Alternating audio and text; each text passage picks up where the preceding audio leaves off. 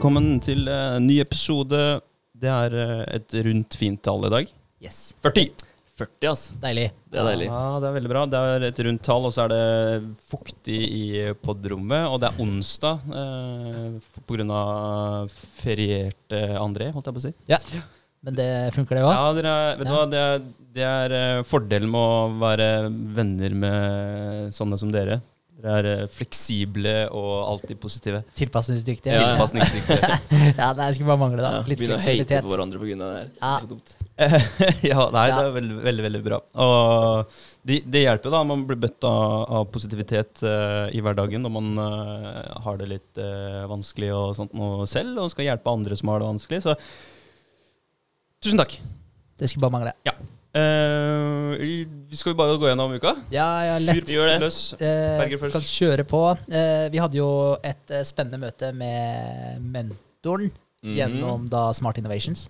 Kult. Det var, eh, det var dritkult. Ja, det var givende. De, ja, ja, veldig. Det gikk egentlig over eh, eh, Hva skal jeg si? Det gikk egentlig over all forventning. Ja, det, det. det var kjempe, kjempekult, og vi fikk eh, god veiledning til nøyaktig hva er det vi burde fokusere på framover. Eh, det som også var kult bare, hva, ta, Vi kan ta litt om det møtet. Ja, ja. det. Eh, det som var eh, eh, kult, var jo først og fremst fyren. Eh, veldig ålreit type. Han er eh, eh, Jeg vet ikke hvor gammel han er. 50 ja sikkert pluss. eh, noe i den duren. Ja, et eller annet sted mellom 50 og 60, kanskje. Au, nå må vi være forsiktige Ja, her, altså. forsiktig. Nei, da, Man må være 50 Ja, pluss. det vil jeg tro. Ja. Så par og 50, sier vi da. Nei, nei. Mye, mye erfaring. Det Ja, har- han har mye erfaring. Han har vært igjennom x antall uh, selskaper. Starta en del sjøl, og som han sa sjøl òg, noen av dem har gått bra, noen av dem har gått dårlig, noen går fortsatt. Ja. Og, så han er i fullt driv. Det er, eh, så det er utrolig kult. Ja.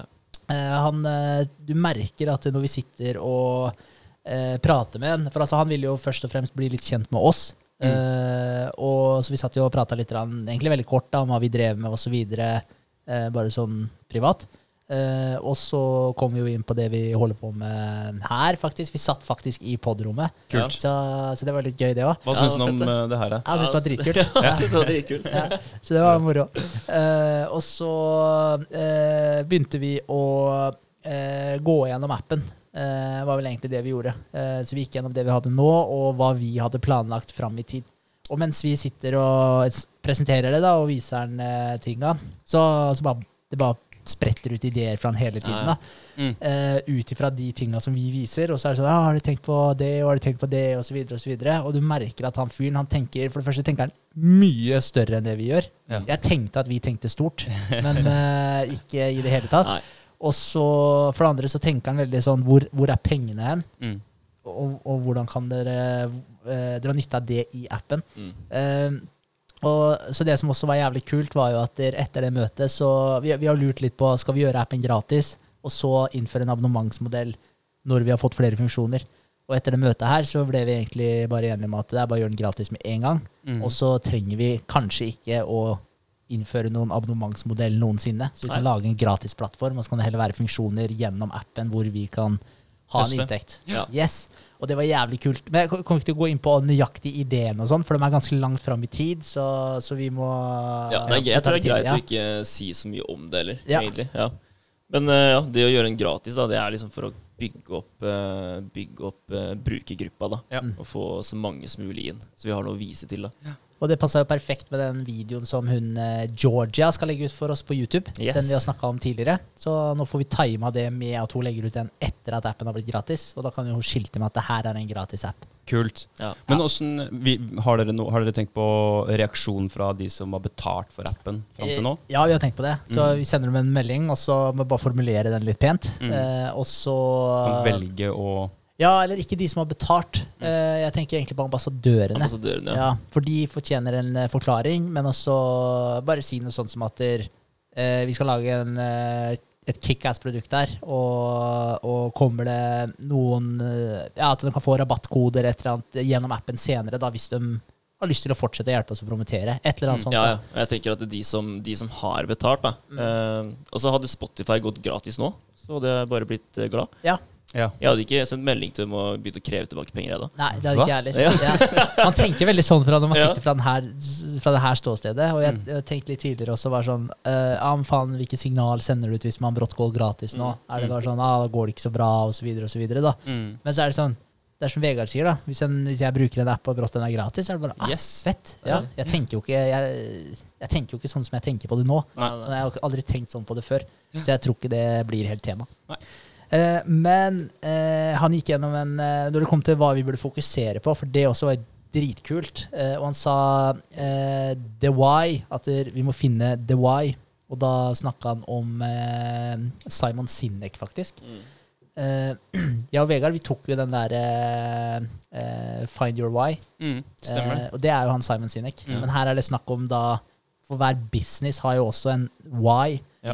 Og det må på en måte være kjernen i det man driver med. Eh, og han sa at det, vi måtte bruke tid på å finne våres hvorfor. Mm. Uh, og så han eh, ga oss uh, en link til en YouTube-video hvor han Simon Sinek uh, presenterer The Why, eller The Golden Circle. Og og den, det var dritkult, så han ba oss liksom se den tre-fire ganger for å på en måte virkelig få inn alt han prater om der. Mm. Og, og det, har vært, eh, det har vært gull verdt. Ja, det har vært mye av det. eh, Og det har sittet en del og holdt på med, med akkurat det også. Mm. Så uh, the why, altså det er den, the golden circle. Det er, du har why i midten, og så i ringen på utsida der så har du how, og på ringen utsida der så har du what. Mm. Og de fleste de selger fra utsiden og inn, så de starter med hva. ikke sant? Du som bilselger, da. Mm. Ah, her har du en uh, Mercedes et eller annet, eller eh, Renault Ja. i de tilfellene kanskje. da, Mitsubishi, whatever. Så det er hva du selger.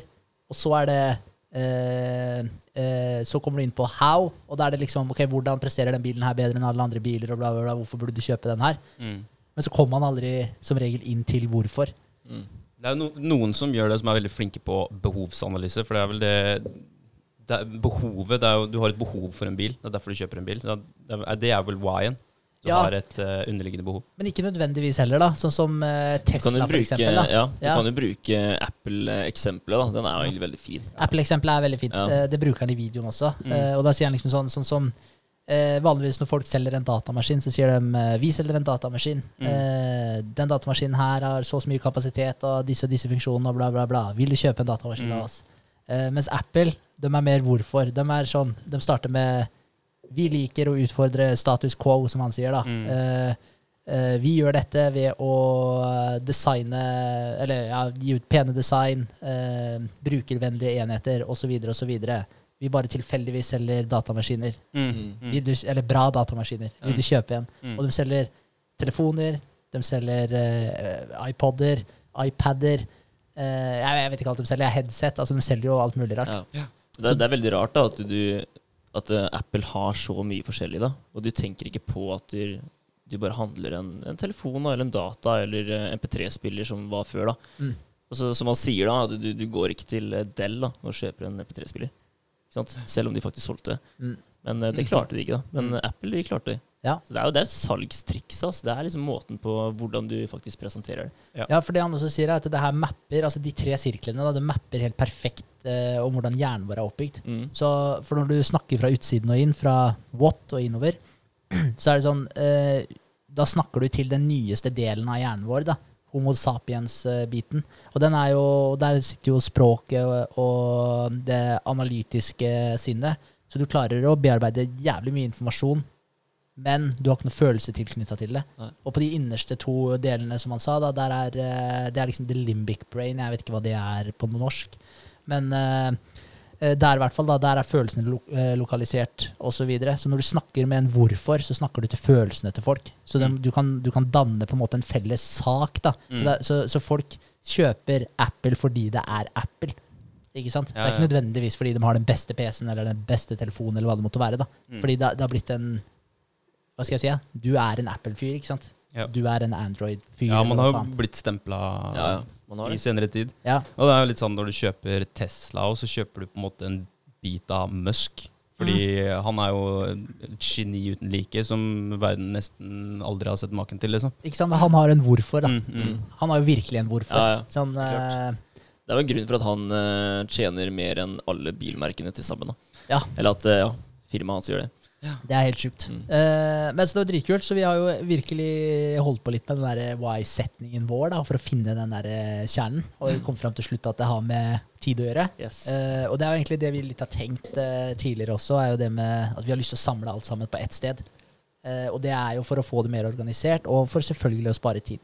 Så det som ble våres why så langt, da, det er vi tror at tid er det mest verdifulle vi har, og ved å frigjøre tid skaper vi mer plass til lidenskapen vår.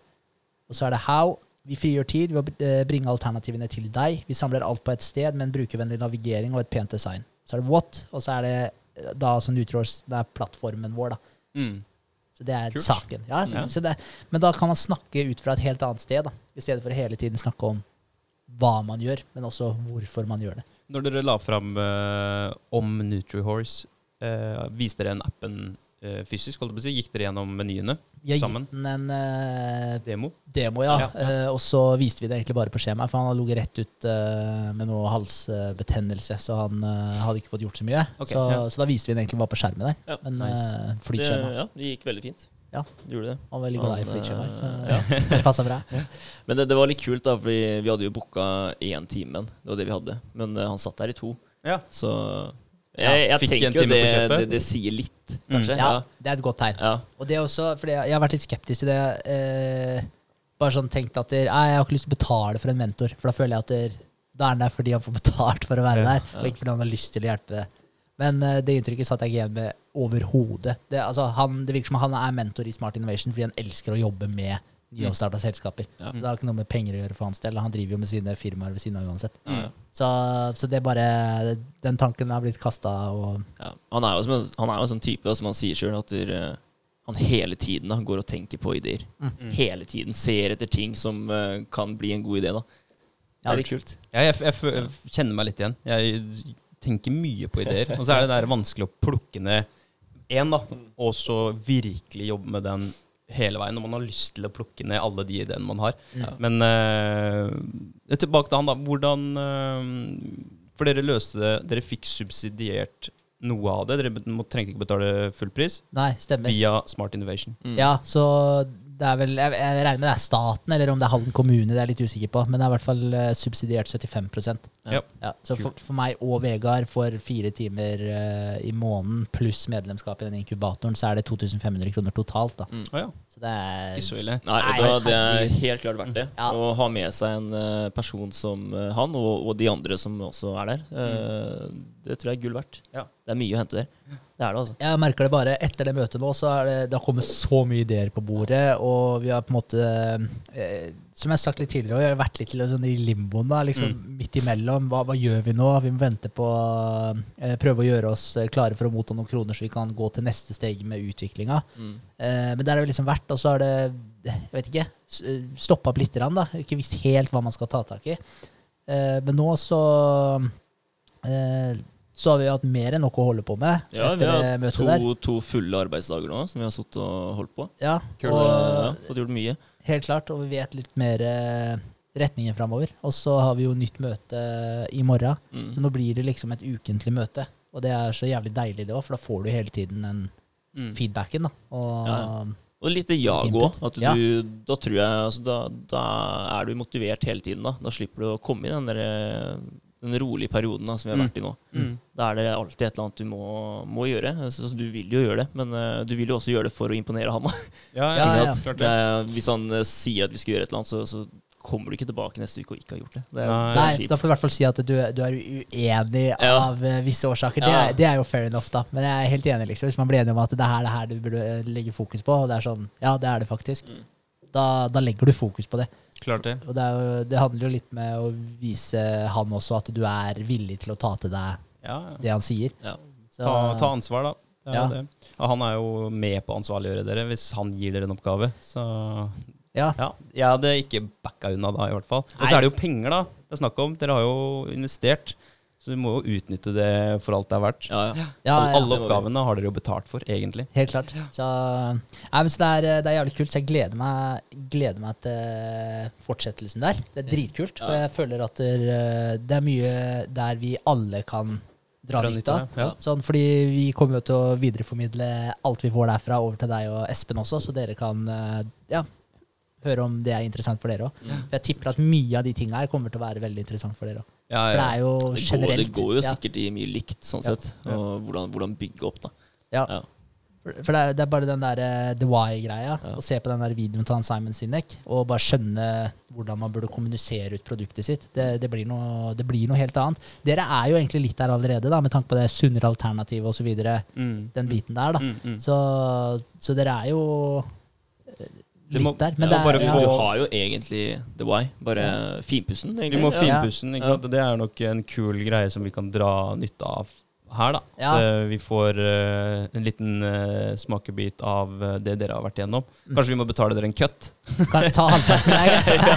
Nei. Så, nei, men vi trenger å finpusse og få- få ting ned på papiret. Ja. Istedenfor å bare ha det hengende, at det her er det vi har lyst til. Vi har jo definert en del, men uh, allikevel Det er sånn som dere snakka om, jeg husker når dere hadde den uh, The Why for dere sjøl, Mm. så var det jo en setning, en ganske lang setning, som dere skulle liksom krympe inn, da, Ja. for å finne det mest essensielle i, i, i why-en til dere personlig. Uh, og det, det må jo vi gjøre. Absolutt. Fra Men- det om oss på nettsida og veldig mye kortere. Ja, ja, helt ja. klart. Men, eh, men det kan jo hende, altså den der why-en deres òg. Det er jo ikke sikkert, altså sånn jeg tenker meg om da, altså ja, levere et sunnere alternativ. Men det er jo egentlig hva dere gjør.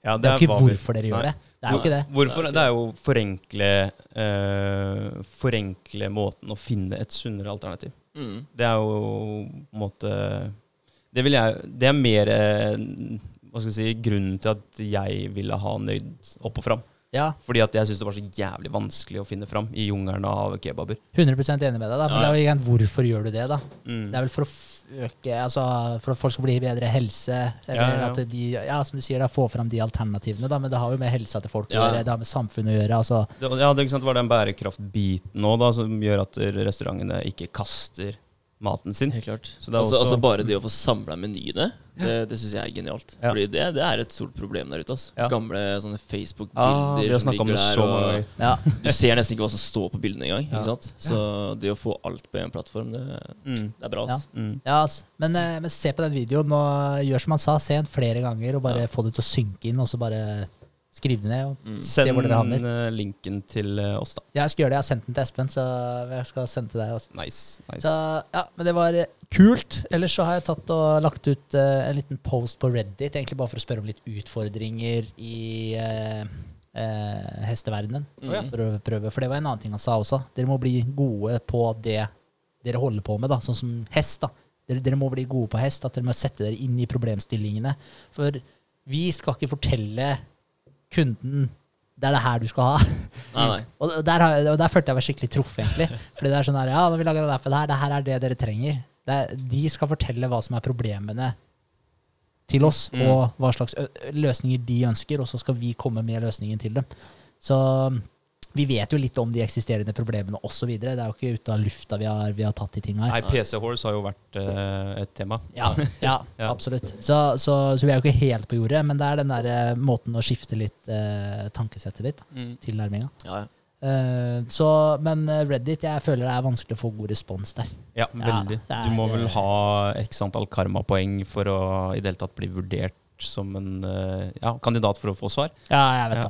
Et eller annet er det. Ja, Det er jo en algoritme der som er ganske ganske kompleks, holdt jeg på å si, i Ja. forhold til det greiene der. Ja. Eh, ikke helt Jeg har ikke vært så mye på Reddit, ja, så jeg vet ikke. Nei, det er en tidstyv. Ja. Det en veldig stor tidstyv. Ja. Det er som alle andre sosiale medier. Det er en tidstyv. Men uh, hvis man kan dra nytte av det på en eller annen måte, da, så er jo det gull. Mm. Men jeg føler liksom at du får tre-fire likes, og så er det liksom Mm. ingen kommentarer omtrent. Men er det noen andre foraer som det går an å undersøke? Ja, Kanskje. Kanskje. Prøve å skrive det opp, så skal jeg også google litt. Ja, det er jo alle de Facebook-gruppene, da. Det, det er det jo. Men vi har lagt Ja. ut ting der før òg. Det har ikke vært noen spesiell respons der. heller.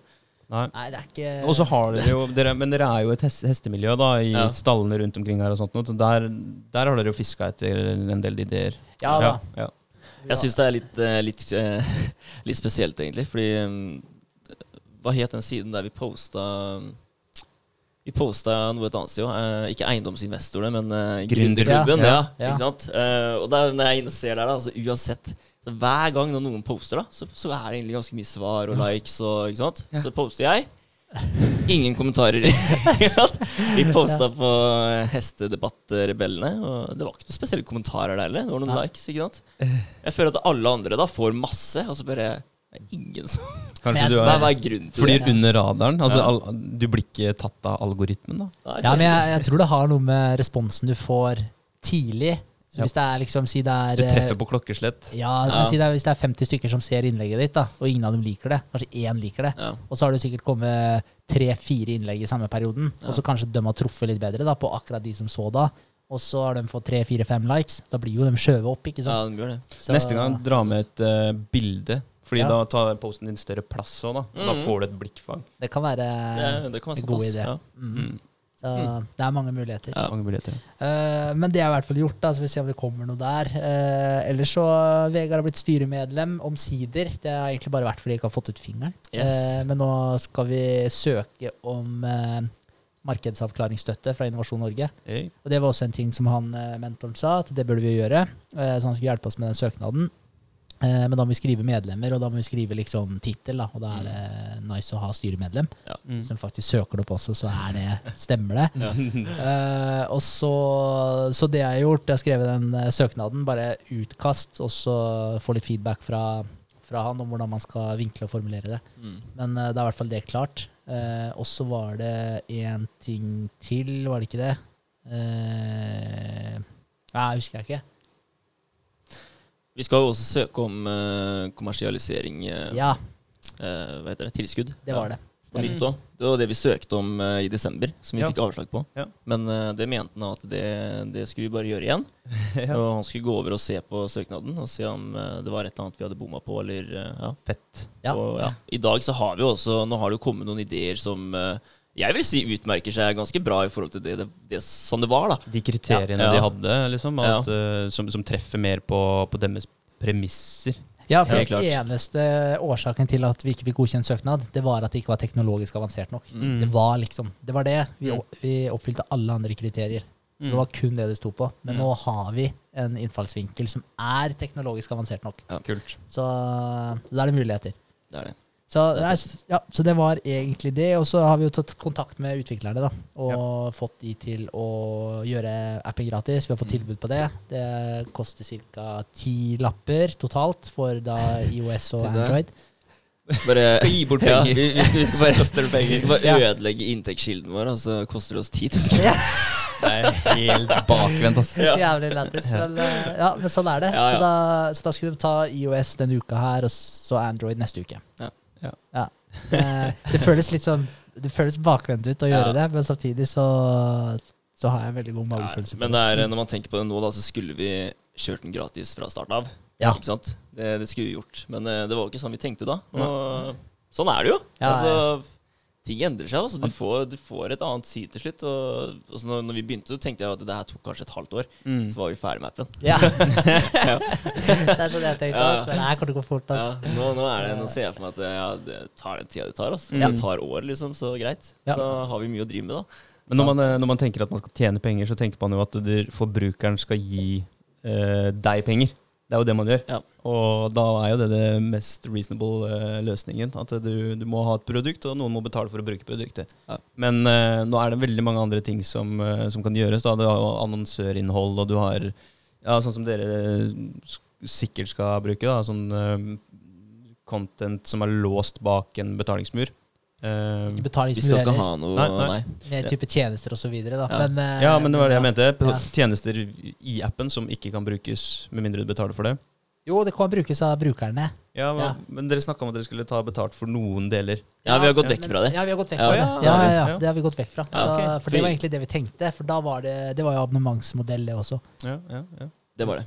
Men uh, Nei, den skal være helt gratis. Helt gratis? Ja. Ja. Det skal Men være det da- andre tjenester som man kan ta betalt for, da. Ja, Ah, hvis okay. du vil. Ja. Ah, ok. Og det er ikke tjenester som er i appen? Jo. Jo. Så det er gjennom appen. Mm. Men, eh, men du er en gratisbruker, og så kan du Bare se på Finn, for eksempel. Du kan bruke Finn gratis, Mm. og så kan du bruke det til akkurat det formålet du vil. Men Mm. Finn tjener jo penger. Ja.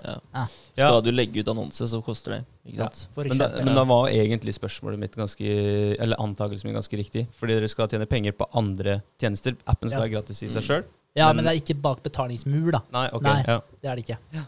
For det alle tjenestene er tilgjengelige sånn sett. Men det blir ekstra tjenester som du må betale for. Uh, ja, det blir jo en transa Når det er transaksjoner gjennom et sted, da, så får man en bit av kaka, det kan Ah, ja, ok, Så det kan være ja, utenfor Nutrihorse. Kan være på et annet nettsted.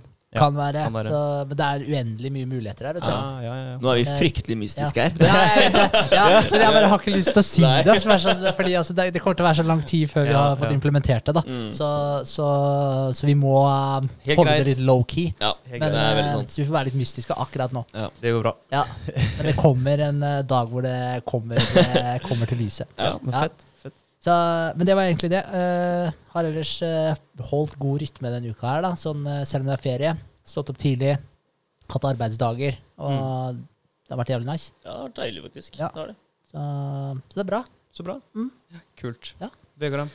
Eh, ja, jeg har holdt på med hjemmesiden jeg nå. Ehm, den er egentlig så bra som man kan bli nå, tror jeg. Ja. Ja, men det har blitt jævlig bra. Ja, til og med klart å endre farge på, på logoen. Ja, Ja. nice. ja, ja. Og da måtte jeg ha Illustrator da, til Photoshop, som Mm. jeg ikke ante, ikke sant. Mm. Men uh, det tror jeg faktisk er litt takket være de arbeidsdagene her, altså at man faktisk ordentlig setter seg ned da, og, uh, og jobber med det. Jobber med det. Ja. Det, er, det er noe annet å sitte alene og begynne å lure, og så føler du at du ikke kommer noen vei, da. Ja, og så, og så sitte på kveldstid etter en arbeidsdag, og så Ja. sette i gang. Det er de der timene det tar før du er i flowen, da. Det gjør det. på si. Så det å, det å bare starte her eh, åtte-halv ni, og så dra i gang, det, nei, det funka bra. Altså. Mm. Gjorde det. Veldig fint. Eh, og så har jeg fått ut et uh, Did you know-bilde på Instagram, og én story. tror. Ja. ja. Det er bedre enn ingenting. Det er, ja. eh, det er framdrift. Ja, Ja. ja. ja, og så har jo vi også hatt møte med Eller jeg, ja, det er jo møte med mentoren da, som vi har hatt. Ehm, eh, eh, eh, og så har jeg handla masse til en fjelltur som jeg skal til. Ja. Da har jeg kjøpt meg nye sko og shorts og litt sånn stæsj. ja, for dere skal gjøre litt forskjellig. Ja, vi Ja. skal til eh, Det er ikke før uke 30 det her, altså, men eh, gjøre seg klar, det er viktig. Ja, ja, ja. Det er det. Eh, vi skal til eh, Sjoa og til eh, Eller Sjoa heter det kanskje. Mm. Ja. Skal vi rafte, sånn som dere gjorde? Ja, og, eh, og Juve. Eh, det blir bare én dag der, da. Så skal vi til Åndalsnes etterpå. Eh, og gå eh, Romsdalseggen, heter det vel. Ja. Det jeg tror det tar noen timer. ass. Jeg tror Ja. det sto at det tok ni-ti timer ja, å gå den. Men da skal dere gå via Ferrataen? Ja, eller det er to forskjellige dager, da. Å ja. Ja. Men, ja, men dere Du, du, du Du kan, kan gå egentlig gå den, og så opp igjen, ja. Ja, Men vi ja. vil ta dem to separert. da, ja. Vi vil ta dem separert. Ja, ok. Ja. Ja. For det er eh, når vi kommer ned fra Romsdalseggen, hvis ikke jeg husker helt feil, så kommer vi vel ned rampestreken, tror jeg. Mm. Ja, Det er jeg litt usikker på. Ja. Jeg vet ikke hva den heter. jeg. Nei. Men jeg gikk jo der for noen år siden. Ja, Ja. stemmer. Mm. Så det, det gleder jeg meg faktisk til. Uh, via Fratan. Den tror jeg er kul. Ja. Og litt sånn der, eh, ja, enda kulere når jeg hørte om den ulykken for litt siden. Om uh, en person som datt ned og Ja, flekka opp underarmen og litt sånn eh, Ja. diverse. Så Det blir litt mer spennende. Ja, det gjør det. Ja. Shit. Ja. jeg får bare gønne på. Det skal ikke skje meg. Nei. Så, og i hvert fall ikke Rikke, håper jeg. Så Ja, men da er det bedre at det skjer med meg. Ja. innholdsrikt, da. Ja. Det er veldig kult. Ja. Både rafting, juving og via Ferrata er jo det er, eh, det er action. Det er kult. Det er det. Men via Ferrata er jo Det er dritfett. Mm, det er det. Eh, Jeg, hadde, jeg har bare gjort det én gang, og det var akkurat den vestveggen. Jeg mener den Vestveggen. Ja, I- Vestveggen er eh, den harde, da. Ja. Ja, og så er det en annen, jeg husker ikke hva den heter. Men det, det er to forskjellige, da. Det er Ja. det. Men, men jeg vet ikke, kan du gå ned på flere steder Kan du gå ned flere steder av det fjellet, liksom? Åndals, eller Romsdalsheggen? Nei, det vet jeg ikke. Jeg har Nei. ikke vært der ennå. Nei, for jeg bare, nei, for jeg tenkte ettersom dere skulle ta det på to dager. Ja. Fordi, fordi sånn som jeg eh, husker det her nå, da. Altså, så- Romsdalseggen er én Ja. dag, ja. Ja, Som vi skal gå. ja. Ja. Men dere skal gå Eggen? Ja, Ja, ok. Den tar vel ti timer.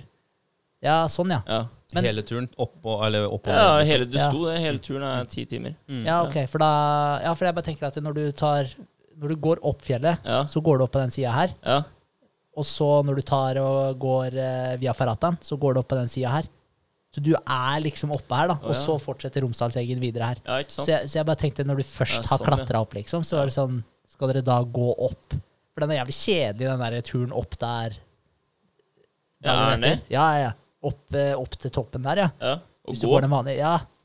Men vi gikk jo ned der, liksom. Det var jo Ja. faen meg bare sånn Det var jævlig bratt, og så var det bare sånn uh, sti ned Eller hva jeg skal si, sånn sikksakk-sti bare ned. Korktrekker, Ja. eh, typ. Ja, det, det, var ikke, det var ikke noe interessant tur ned der, for Nei. å si det sånn. Takk Så- for uh, tips, men uh, Ja. jeg har aldri vært der, og jeg må Nei. finne ut av de greiene her. ja, ja, ja, men jeg tenkte å si til deg, så i tilfelle da, Fordi da, da sparer du deg kanskje for en jævlig kjip lang Hvor lang tid bruker du på. Via Frata, da? eh, å, Jeg husker ikke hvor lang tid vi brukte. Nei. Jeg tror kanskje halvannen-to timer, kanskje. Halvannen-to timer. Oi, det var to eh, kort. Den eh, vi gikk i Kanskje to timer, ja. Loen var vel sånn fem-seks timer, eller? Ja, Fem timer totalt. Ja. ja det, det kan hende jeg husker helt feil nå, altså. Men, Nei, men den er ganske bratt, og den Ja, er ikke så jævlig lang. Nei, ok. Ja. Det, altså, det her er vel Jeg tror det her er min første Altså, er det en, det er en topp, er det ikke? Eller? Jo, det er vel det. Ja. En Ja. eggen er en topp. Ja. Ja, Mm. så det, ja, det er vel en sånn Mm. egg, da. Ja. Knivegg, liksom. ja, så jeg kan si at jeg har gått en topptur, liksom. Ja, ja, det er helt klart. Ja, Da er det min første topptur, faktisk. Oi. Ja, jeg har aldri gått det før. Nei. Så det, det er vi spent på. Ja. Jeg har ikke gått veldig mange sjøl. Skal ikke skryte meg det. Nei da. Så vi drar jo da tirsdag, da, uke 30. Eh, og da har jeg muligens eh, kapra oss en eh, gjest på mandag. Før Oi. det. Ja. Håper jeg. Kult. Ja. Det blir spennende. Det blir spennende. Mm. Eh, hvis han blir med, så får vi en kul eh, podkast. Ja. ja. Fett. Ja, ja. Eh, ja, og så har jeg også skrevet at eh, ja, vi har jobba i feriedagene våre, da. Eh, og jeg må si at eh, jeg syns det har vært litt givende å jobbe de to dagene her. Det stått opp tidlig, og så hadde, hadde ikke jeg jobba de to dagene her, så hadde jeg sikkert ligget til ni-ti 9-10 før jeg hadde stått opp. ikke sant? Og nå er jeg jo kommet opp og er egentlig good to go, da. Mm. Jobba, føler at du har fått gjort noe, og så kan du heller både nyte på kvelden. Uh, så det, nei, det har vært fint. Det var, det var egentlig en av måla mine med ferien også. Ja. Var å ikke ha ferie. Sånn liksom Å tenke heller at ok, hvordan er det jeg har lyst til å leve når jeg faktisk har fri, da, eller er min egen sjef? Ja, Og faktisk prøve å etterleve det litt. Ja, så er det, det er jo noe med det at eh, det er, du gjør faktisk noe som du syns er eh, veldig greit å holde på med. da Ja. Så det er ikke sånn at du sitter og kjeder deg mens du gjør det her. ikke sant? Du syns det er gøy, og du, du jobber jo for et mål. Så Mm. Nei, jeg syns det er helt greit å sitte og ordne sånn her. Og det håper jeg vi kan gjøre de to ukene her òg. Ja, jeg er Ja. klar. Kult. Klar. Skal Ja. vi hive deg med du og André? Lett. Ja. Jeg er med. Espen òg. Ja, ja. Espen òg. Ja. Jeg kan ikke si det på hans vegne. Han skulle til Dyreparken eh, i overmorgen. var det det? Mm. Han hadde Theo den uken. ja. Kristiansand, liksom. Ja, tror det. Det er vel ikke så mange andre dyreparker. Ah, jo, du har Nå er jo Sverige type åpent. Det er vel en eller annen eh, nedover mot Strømstad. Og så er det vel eh, Jeg vet ikke hva nærmeste dyrepark er. Hva heter den der i Sverige? Den der, eh, med han litt skrelle type som alltid går rundt med slangen og sånn. Med langt sånn der rastahår og så, det er Tenk- litt- Tenker på Nei, i Sverige? Ja. Nei, jeg vet Nei, de Ah, har ikke vært der. shit, ass, nei. Dyrebutikken Jeg ble nesten Nordre. redd for når jeg var på Var der da jeg var liten. Ja, du får, eh, du får uh, si fra hvis du kommer på vannet. Ja, jeg skal gjøre det. Så skal vi henge det ut på Norges mest uh, populære podkast. Ja, da får han eh, masse kunder. Um, Andre Boy har For du var ferdig? Jeg er ferdig. Ja. Jeg har uh, snakket med, med regnskap, uh, og så har vi ja, egentlig eh, Jeg og Espen skal bare ta en siste sjekk på den kontrakten du sendte over. For å se at det ikke er noe skumle loopholes. Um, og ellers så er det good to go der, for da fikk vi et type tilbud som inneholdt x antall bilag i måneden for 560 kroner pluss moms. Ja. Og så hjelper hun oss med å utgiftsføre ting og sånt før vi er momspliktige, sånn at alt blir rett i forhold til, oi, forhold til eh, skatteetaten og Altinn og sånt noe. og det, det setter vi pris på. For det har ikke jeg satt meg helt inn i. Uh, for jeg, har lagt, vi har jo, jeg la jo ut noe penger før nyttår for uh, appen. Mm. Eh, og da betalte jeg fra min eh, egen lomme. Så det her må jo også på en måte inn på et eller annet vis, da. Mm. Så hun skulle hjelpe oss med det. Eh, ellers så har, har eh, Jeg kan jo ta en liten eh, spontan Et spontant valg som jeg tok. for litt siden. Jeg, vi snakka om det, at jeg kanskje hadde lyst til å kjøpe motorsykkel. Ja. Ja. Og så bestemte jeg meg for det, da. Og karma er en uh, bitch, da, for å si det sånn. Ok, ja. Fordi um, um, Ja, det starta jo med at jeg skulle inn til Ullevål og støtte opp familien der. Og så tenkte jeg, når jeg først er i Oslo, så bare Nei, da kjøper jeg en billett til Trondheim. Og så kjører jeg motorsykkel ned. For da var det en sykkel der jeg hadde lagra på Finn. da ja. Uh, og det gjorde jeg da. På tirsdag forrige uke så tok jeg bussen fra, fra Ullevål til eh, jernbanen. Tok toget til eh, Oslo lufthavn Gardermoen. Tok flyet til Trondheim. Ble plukka opp av en eh, hyggelig fyr som heter Christian eh, der, i en eh, BMW stasjonsvogn. Han kjørte meg hjem til boligen sin. Hadde ikke noen skumle planer for meg. Han skulle bare tjene noen kroner på motorsykkelen sin- Mm. Jeg tok en prøvetur med den, betalte han de tusenlappene han skulle ha, og så satte jeg meg på sykkelen, kjørte til nærmeste motorsykkel eh, eh, Hva skal jeg si, bikershop, da, Ja. med klær og sånt noe, fordi det var begrensa hva jeg hadde plass til på vei eh, over.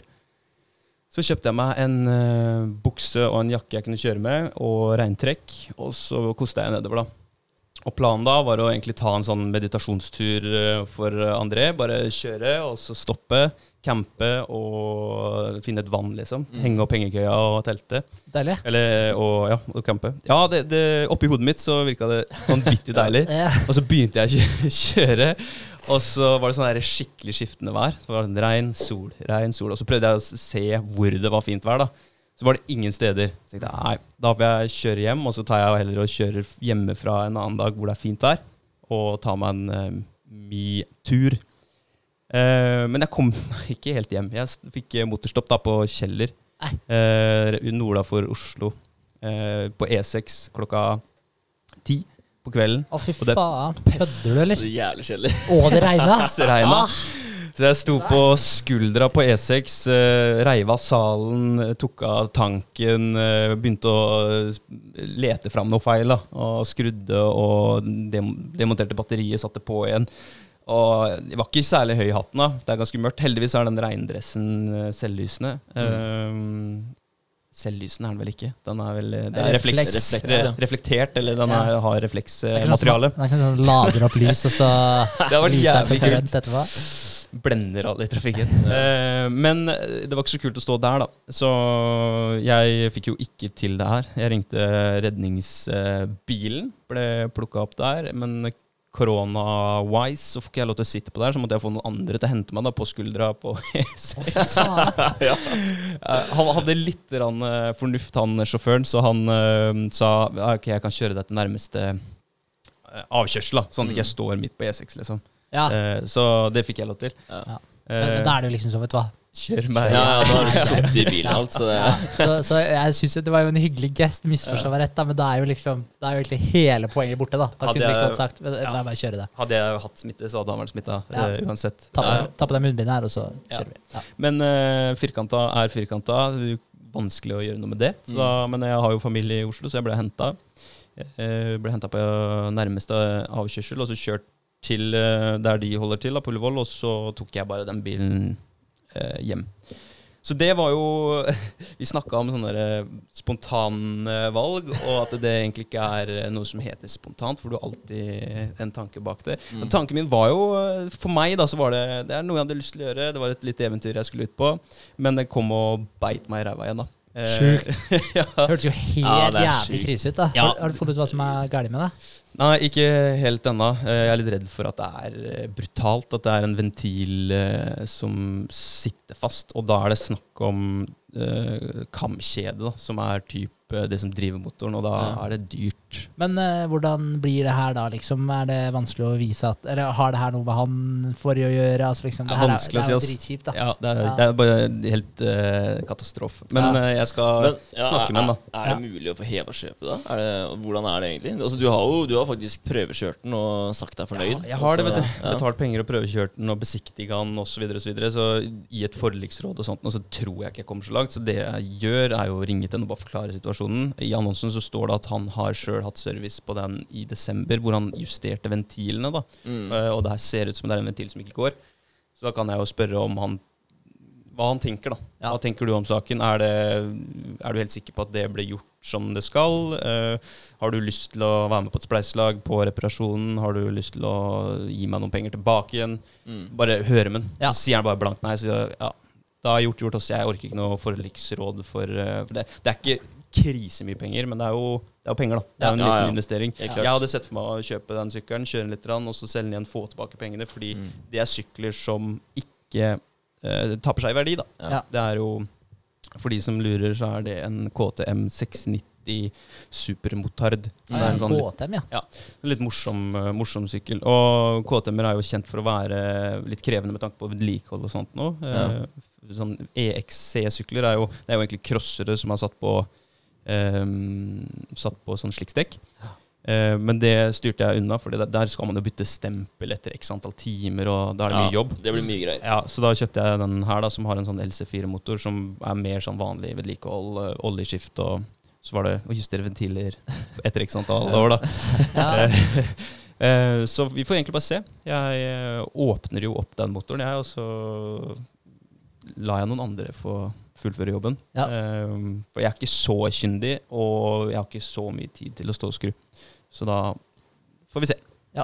Satser på at det løser seg på en meget enkel måte. Det er mange muligheter, da. Altså, ja. Robin, da. Ja. Han er jo utrolig flink til å skru. Ja, Jeg, han, eh, eh, Skrur det det meste, så tenkte jo på han var der Ja. vi, vi møttes jo på byen her for litt siden, og da nevnte jeg det for han. Han bare kom med en eh, idé fra, fra ingenting, da, og Ja. mente at det kunne være noe som var eh, helt annet enn det jeg trodde det var. Så det kan jo være at han har rett, og da vil jeg jo gjerne at han tar en titt på det. Mm. Og han kan jo, kan jo ta en titt på det, og så kan han komme hit og, for, og fortelle om det senere. For vi har, vi har lyst til å introdusere han for podkast. Ja, det vært kult. Ja, ja. ja jeg eh, tror han har litt lyst til det sjøl, så det er Ja. fett. Ja, moro. Men uh, yes, det var KTM-historien. Uh, og det var etter at jeg hadde bidratt til uh, litt uh, familiestuff. Eh, vi dro Ja, da måtte jeg jo selvfølgelig inn til Oslo da, og hente den sykkelen dagen etterpå der igjen. og sånt, og Så jeg ordna en varebil og kjørte inn og henta den på et Mm. verksted. For det, det, den havna på eh, Oslos dårligste motorsykkelverksted. Eh, kan jo name-droppe, jeg, fordi jeg ble jævlig frustrert over hele situasjonen. Eh, AMD-motorsykler. Eh, da er det sånn at der, sportssykkelen min ble henta av et redningsselskap. Så ble den kjørt eh, For det var sent på kvelden, så han ble kjørt til Redningsselskapets eget lager. Mm. Sto der, og så sa han at da kjører jeg han til KTM-verkstedet i morgen tidlig. Eh, og så dagen etterpå så ringer jeg da i ja, Kanskje prøver i, i løpet av fire-fem timer. da Så jeg prøvde jeg å ringe sånn fem-seks ganger, sendte to mailer uten at noen svarte. Og når jeg først får, eh, får kontakt med noen på den sjappa der, så spør jeg har det kommet inn sykkel på André Holter, regnummer, bla, bla, bla. bla. Nei, ikke noe her. Og så var det det, og så plup, plup, plup, la på, liksom. Oi. Jeg bare OK. Å, fy faen. Ja. Du rasshøl, da. Ja, så ringer jeg til Redningsselskapet og så bare spør har den blitt avlevert. Spør, ja, vi har levert nøkkelen til eh, daglig leder, han heter så og så, og så de, viste dem til eh, ja, utleveringskvittering, da. Mm. Uh, og da ringer jeg selvfølgelig, bombarderer jeg dem, da. Og da treffer jeg endelig en på Jeg måtte, For verkstedet tar ikke telefonen, så jeg måtte ringe til salg. Og da tar en kar på salg, og han går bort til, eh, til skranken, og så sier han ja, det ligger en eh, nøkkel her med navnet ditt på. Ja, ok, takk. Fett. Det er sånn eh, udugelig kundeservice. Og da da tenkte jeg vet du hva, jeg overlater ikke sykkelen i hendene deres. Der er Det sikkert Det som er problemet med storbyer, da, det er at de har en uendelig med kundemasse. De er ikke avhengig av at folk er fornøyde for å komme tilbake igjen, for de har så mye å gjøre. ikke sant? Mm. Eh, og det er jo det som er abra her. Eh, man har sikkert mange flotte kundeopplevelser der også, når pågangen er mindre. Men nå er det jo sommer, det er høysesong for motorsykler. Så åtte uker eh, ventetid på verksted. Ja. ja. Uavhengig av alt det der, da, så kommer du deg ikke unna å bare Nei, jeg har ikke noe arr. Og så bare legge på, liksom. Nei. Altså, det er bare ubrukelig Ja, ja, ja. Da er du udregelig, da. Uansett Ja, hvor mye man har å gjøre, så går det an å gi en tilbakemelding. Ja. Og, og det er kanskje det viktigste i alle servicebransjer. Og det er kanskje det spesielt bil, MC, båt, og bobil sikkert. Og nå gjetter jeg litt her, men det man har, der man har mest eh, å gå på, Mm. med tanke på å bare gi en tilbakemelding. Ja, ja. Man utsetter og utsetter fordi man, man er redd for at man ikke eh, Hvis man gir en tilbakemelding uten noe positiv eh, eh, med noe positivt i det. da. At man bare gir en tilbakemelding for å gi en tilbakemelding. At det ikke er verdt noe for kunden.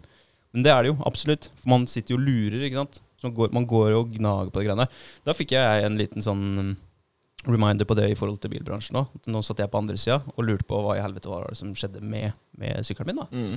Eh, så det er, det er jo litt positivt å være litt uheldig òg. For da får man et lite innblikk i kundens situasjon, spesielt i, i den bransjen der. da. Man er avhengig av uh, bil, uh, og kunder som sliter med bilen, sliter med å komme seg steder. Spesielt i uh, disse dager hvor alle skal feriere i, i, i landet da, og Ja. med bil.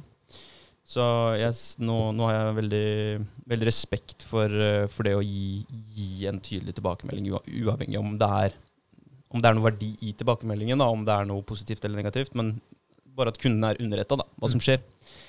Eh, så da ble den henta igjen eh, dagen etterpå. Og så bærte det av sted til eh, på en liten miniferie med, med Kristin og Noddy. Så vi har vært eh, på Dalen. Det er i Telemark. Der har de en familiehytte. Veldig fint der. Eh, vi kjøpte, På vei opp til Dalen så kjøpte vi oss et sånt eh, paddleboard. Som Mm. sikkert veldig mange andre har gjort i, i år og i fjor. Det har blitt sinnssykt populært. Mm. Kult. Standup uh, paddleboard. Ja. Hvordan er det? Uh, det er egentlig Altså hvordan det ser ut. Nei, jeg vet Nei. hvordan det er. Ja, eller, ja, Men det er sikkert noen som ikke vet det òg, da. Ja, svært, Svært, ja. brett som du står og padler på, basically. Ja. Ja. Var det fett, da? Var det Ja, eh, jeg syns det er veldig avslappende. Mm. Ja, er det. det som var digg med det her, da, vi fikk testa det på, på Dalen, ute i Telemarkskanalen. Veldig fint sted. Eh, Dalen er jo kjent for et sånt svært gult hotell. Jeg vet ikke om dere har sett det? En gammel, gammel hotellbygning Ah. eh, som ligger helt i munninga på Telemarkskanalen. da. Jo, men altså, det her må jo være det jeg kjører forbi når jeg er på vei opp til uh, hytta. Beito. Ja, kanskje det? Ja, fordi Men det her er jo i uh, Hva faen heter den der, da? Nei, jeg er så dårlig på det der stedsnavnet òg. Ja, ja. Ja. Jeg kan vise et bilde av det. Men jeg, jeg, for jeg kaller det ikke Dalen. Det er ikke det ordet jeg bruker. Skal vi se Dalen hotell eh, Det er den der. Det der, ja. Det er et, eh, det er et svært eh, Eller svært, det er ikke superstort, men det er, et, det er en ganske stor bygning. Eh, et relativt eh, stort hotell. ja. Veldig spektakulært med masse sånne detaljer på både tak og Jævlig creepy, da. Ja, ja det skal visstnok spøke på rom 213. Har, Ja. eh, forte, forteller eh, folke, På folkemunne så er det sånne uh, fortellinger der. Ja. Um, Ja, det er ikke det der jeg trodde det var. Nei. For hvis du går på kartet, så er det uh, søra for uh, Ja, hva har vi her, da? Eh, Hardangervidda. Ja. Og sånt, Det er typ midt i, i eh, Telemark, da. Nei, no, nord i Telemark. Ja. Ja. Eh, Har, men har du sovet der, eller? Nei, På, ikke- på det rommet? Nei, ikke Nei. sove der. Eh, Kristin har noen historier fra, fra barndommen, for de har en familiehytte der. Eh, og, og, Barna ble plassert på 203.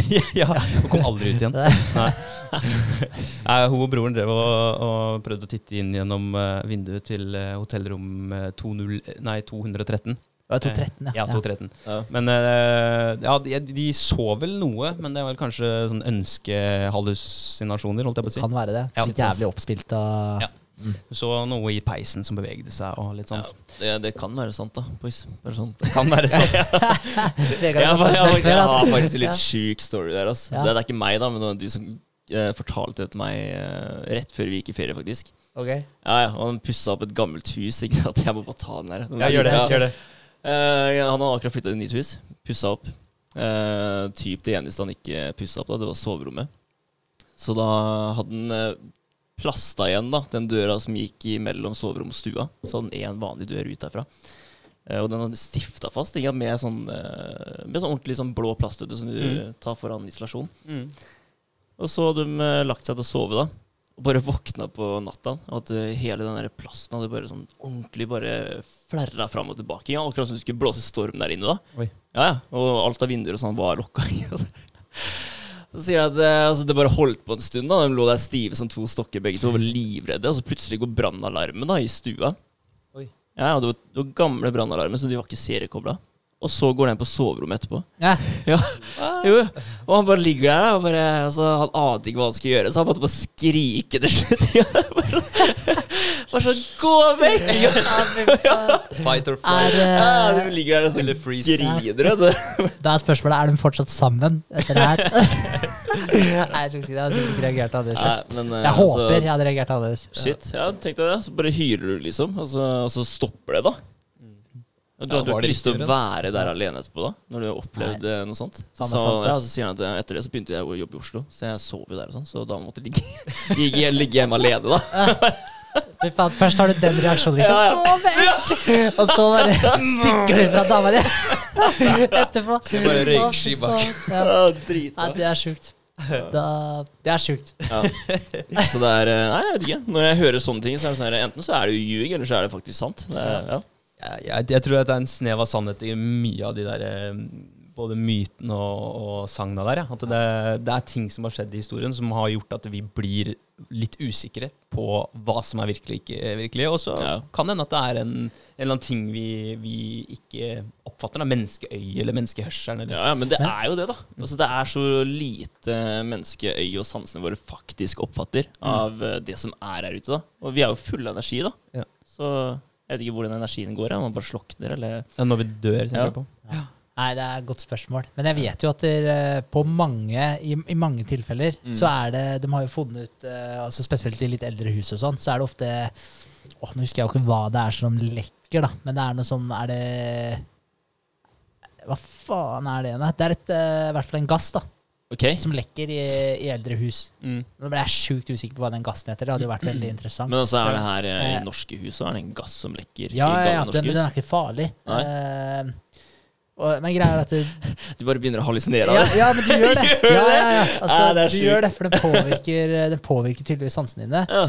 Eh, og uh, Det er ikke propan. Nei, det hadde jo vært livsfarlig. ja. Eh, ja, shit. Ja. Gasslekkasje, nedgravende men søk på det i tilfelle. Søk på spøkelser. Søk på Ja. det bak, bare fordi da kan hende For det, vet du, jeg leste en artikkel om det, og derfor jeg kom inn på det. Der, ja. Hver femte danske har opplevd noe unaturlig. Åssen gass? Hva er det Eh, her for noe? For det som er greia, er at det påvirker sansene dine sånn at du hører ting, ser ting osv. som egentlig ikke er der. Ja, ikke sant? Men så går de og måler uh, den her uh, Hva kan det være for den gassen? Jeg ble skikkelig nysgjerrig. Måler etter den gassen senere. Fortviler på sine egne sanser, da. Kan det være uh, ja Nei, Det står ikke noe om noe gass på forskning.no. Men ta kontroll F, da, Ah, så shit. sier du lekkasje. Ja, altså Nei. Mor bor jo i et ja. ganske gammelt hus, da, så Ja. der har det jo skjedd mye greier. Ikke sant? Tydeligvis. Så kanskje det er det, da. Ja, Så jeg bare kommer og ødelegger, jeg ødelegger troa hennes. men, men det er i hvert fall flere da, som i hvert fall har, eh, får dem noen til å måle, og så har de gasslekkasje. Så Mm. fikser de den lekkasjen, og så, og så er det good etterpå. Ja. Da har de ikke, da har de ikke spøka etter det. Men jeg sier ikke at det gjelder alle tilfeller, men jeg vet at det gjelder en god del. Eh, det det her er ikke en fasit. Det er her fra 2009 og TV 2. Forklaringen baserer de på funn som lavere temperatur, luftstrømmer og merkelig aktivitet i de elektromagnetiske feltene der. Mm. Jeg tror det er mange mennesker som reagerer på, reagerer på disse faktorene, sier han og legger til at det, det kalde jufset som forårsaker opplevelsen av spøkelser, og ikke motsatt. Ja. Ja. Okay. Ah. Ja. Ja, det er mange, mange mulige årsaker. Ja. Men det er en ting som er helt sikkert, det er at folk opplever mye sjukt. Ja. Det gjør man. Ja. Det er helt klart. Det gjør man. Jeg må jo si da at jeg har faktisk lyst til å tro på det. Eh, Jeg har egentlig Altså jeg har litt blanda følelser om det. Jeg har lyst til å få det bekrefta ved å faktisk eh, oppleve et eller annet. da Om, eh, om det kanskje se et spøkelse, eller hva det skal være. Men eh, samtidig som jeg ikke har lyst til det, selvfølgelig. For da, da vet jeg jo at det fins. Ja, vi har jo snakka om det tidligere på podkasten, det her med, med the old hag syndrome og, og sånne søvnparalyser. Mm. Og etter at, vi har opp, eller at jeg har opplevd det, så har jeg ikke lyst til å møte et spøkelse. For det, det er fryktelig ubehagelig. Ja, altså da, da begynner du å tvile på om eh, den søvnparalysen bare er en søvnparalyse. Ja, ja, ja, det faktisk er en jævel som setter seg på brystet ditt og I, kveler deg. ja, i umiddelbar uh, re, sånn ettertid, da, hvis Mm. du tenker rett etter at du, du våkner Eller du, det, det løsner. Mm. Da er du usikker. Ja. Da- Jeg var sykt usikker på hva, hva, er det, jeg, hva er det jeg har opplevd nå, liksom. Ja. Er det her Og jeg hadde aldri opplevd det i, i den grad før, da, og da begynner man jo å google, ikke sant? Ja, selvfølgelig. Og da leser man om mye, mye forskjellig, da. Old hag syndrome og, og relasjonene til stress og, og sånt noe.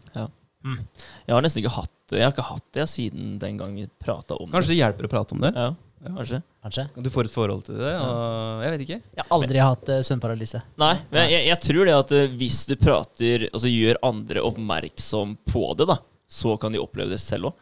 Ja, Fordi jeg opplevde det aldri før jeg faktisk ble oppmerksom på det sjøl. Mm. Tror jeg, da. Uh, ja. Nei, første gang jeg hørte om det, så da var det han eh, kollegaen min på det tidspunktet i Sarpsborg, Travis, Mm. som snakka om det. Og det har jeg jo fortalt om her før. Og eh, det var ganske mange år etterpå jeg opplevde det sjøl. Ja. Så da må det ligge i hvert fall veldig langt bak underbe i underbevisstheten. Ja. Men man kan jo trigge det litt sjøl tydeligvis. da, Ved å ligge med armene over bak hodet, ligge på ryggen.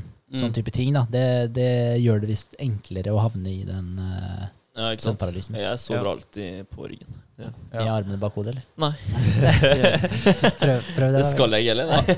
Armene bak hodet, og så legge deg på et tidspunkt du ikke er vanligvis legger deg. Eh, og være sliten, Mm. trøtt og sliten. Og sikkert legge seg et annet sted enn du er vant til å ligge også. Så du endrer masse faktorer da, som gir deg en trygghet. Ja. Eh, du ligger litt mer utrygt. Det tror jeg er en stor Ja. Jeg, jeg, tror, jeg tror vel kanskje det har skjedd de gangene hvor jeg har uh, slitt litt med å sove. Ja. Og, og jeg har ligget der og prøvd å sove, og så har jeg ikke oppfatta selv at jeg faktisk sover. da mm. Så det har tatt litt tid. Uh, Ja, Ja, nei, det var ikke meningen å avbryte det deg. det Ja, jeg bare lurte på, Mens vi er inne på, på sånn spøkelsesstories og sånn, har dere opplevd noe sjøl liksom, som er såpass at dere vet ikke hvordan jeg skal forklare det. Nei, jeg tror det, det er nærmeste er paralysen. Eller så er det sånn type TV som skrur seg på brått og sånt nå. Men det, det, Ja. det er det nærmeste, Ja. tror jeg. Har du? Jeg har hatt en fucka opplevelse, jeg har det. Men uh, Det er en sånn jeg ikke klarer å forklare. Ok, Men, ja. eh, og jeg vet ikke hva jeg skal gjøre ut av den storyen, da, for det er bare det er rart for meg. da, Ja. hele greiene. Men du kan, du kan jo ta den, da. Jeg kan forklare den. Ja. Eh, det var vi, jeg og Mikael vi, Det var når vi kjørte lettmotorsykler. Så vi var, jeg vet ikke om vi var 16 eller 17 eller hva vi var for noe. Vi hadde vært oppe hos eh, deg, oppe hos mor di, faktisk. Ja, det kan vi se. Og så skulle vi Så skulle vi kjøre derfra. Og det her var sånn, det var, det var på sensommeren, det var jævlig kaldt. Så det var typ sånn rundt null grader, da. Kanskje, sånn, kanskje to grader. Det var, et eller annet, det var jævlig kaldt i hvert fall å kjøre. Uh, og vi dro fra deg sånn Jeg vet ikke hva klokka var, kanskje halv ett eller noe sånt. Så det var liksom Det var seint. The Ghost Hour. Ja. Hva er det? Er det ikke sånn tre eller noe? Men så kjørte vi Vi skulle opp til eh, Mikael. eh, Opp til Fagerholt. Ja. Uh, Så da kjørte vi uh, ja, ned fra Hov eh, og kjørte over sletta der. Og vi, vi var egentlig enige om før vi kjørte at vi, nå, nå kjører vi, vi Vi pleide å kjøre ganske fort. Mm. Eh, så vi kjørte egentlig som idioter når vi hadde de lettsyklene. Mm. Det var ikke helt, eh, helt bra. Men eh, da ble vi enige om at ettersom det er så jævlig kaldt nå, så vi kjører litt sakte. Sånn at ikke For det er, det er kaldt da når du kjører i 80 km i timen og får to grader. Jeg vet ikke hvor mange minus det kjennes ut som effektivt, men eh, Mm. jeg tror det er en del. Mm. Så, så vi ble enige om å eh, ja, ta det pent. Eh, og da kom vi til Id kirke, og der, kjører man, der kommer det på en måte sånn S-sving.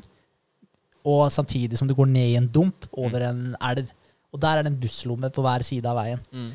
Eh, så når du kommer ned der, så ser jeg at det står en bil eh, inne på busslomma. Men da kjørte jeg ganske sakte, fordi igjen, det var, eh, da hadde vi bremsa opp litt, for det var kaldt, og, og du vet jo ikke hvordan det er i svinger og sånn.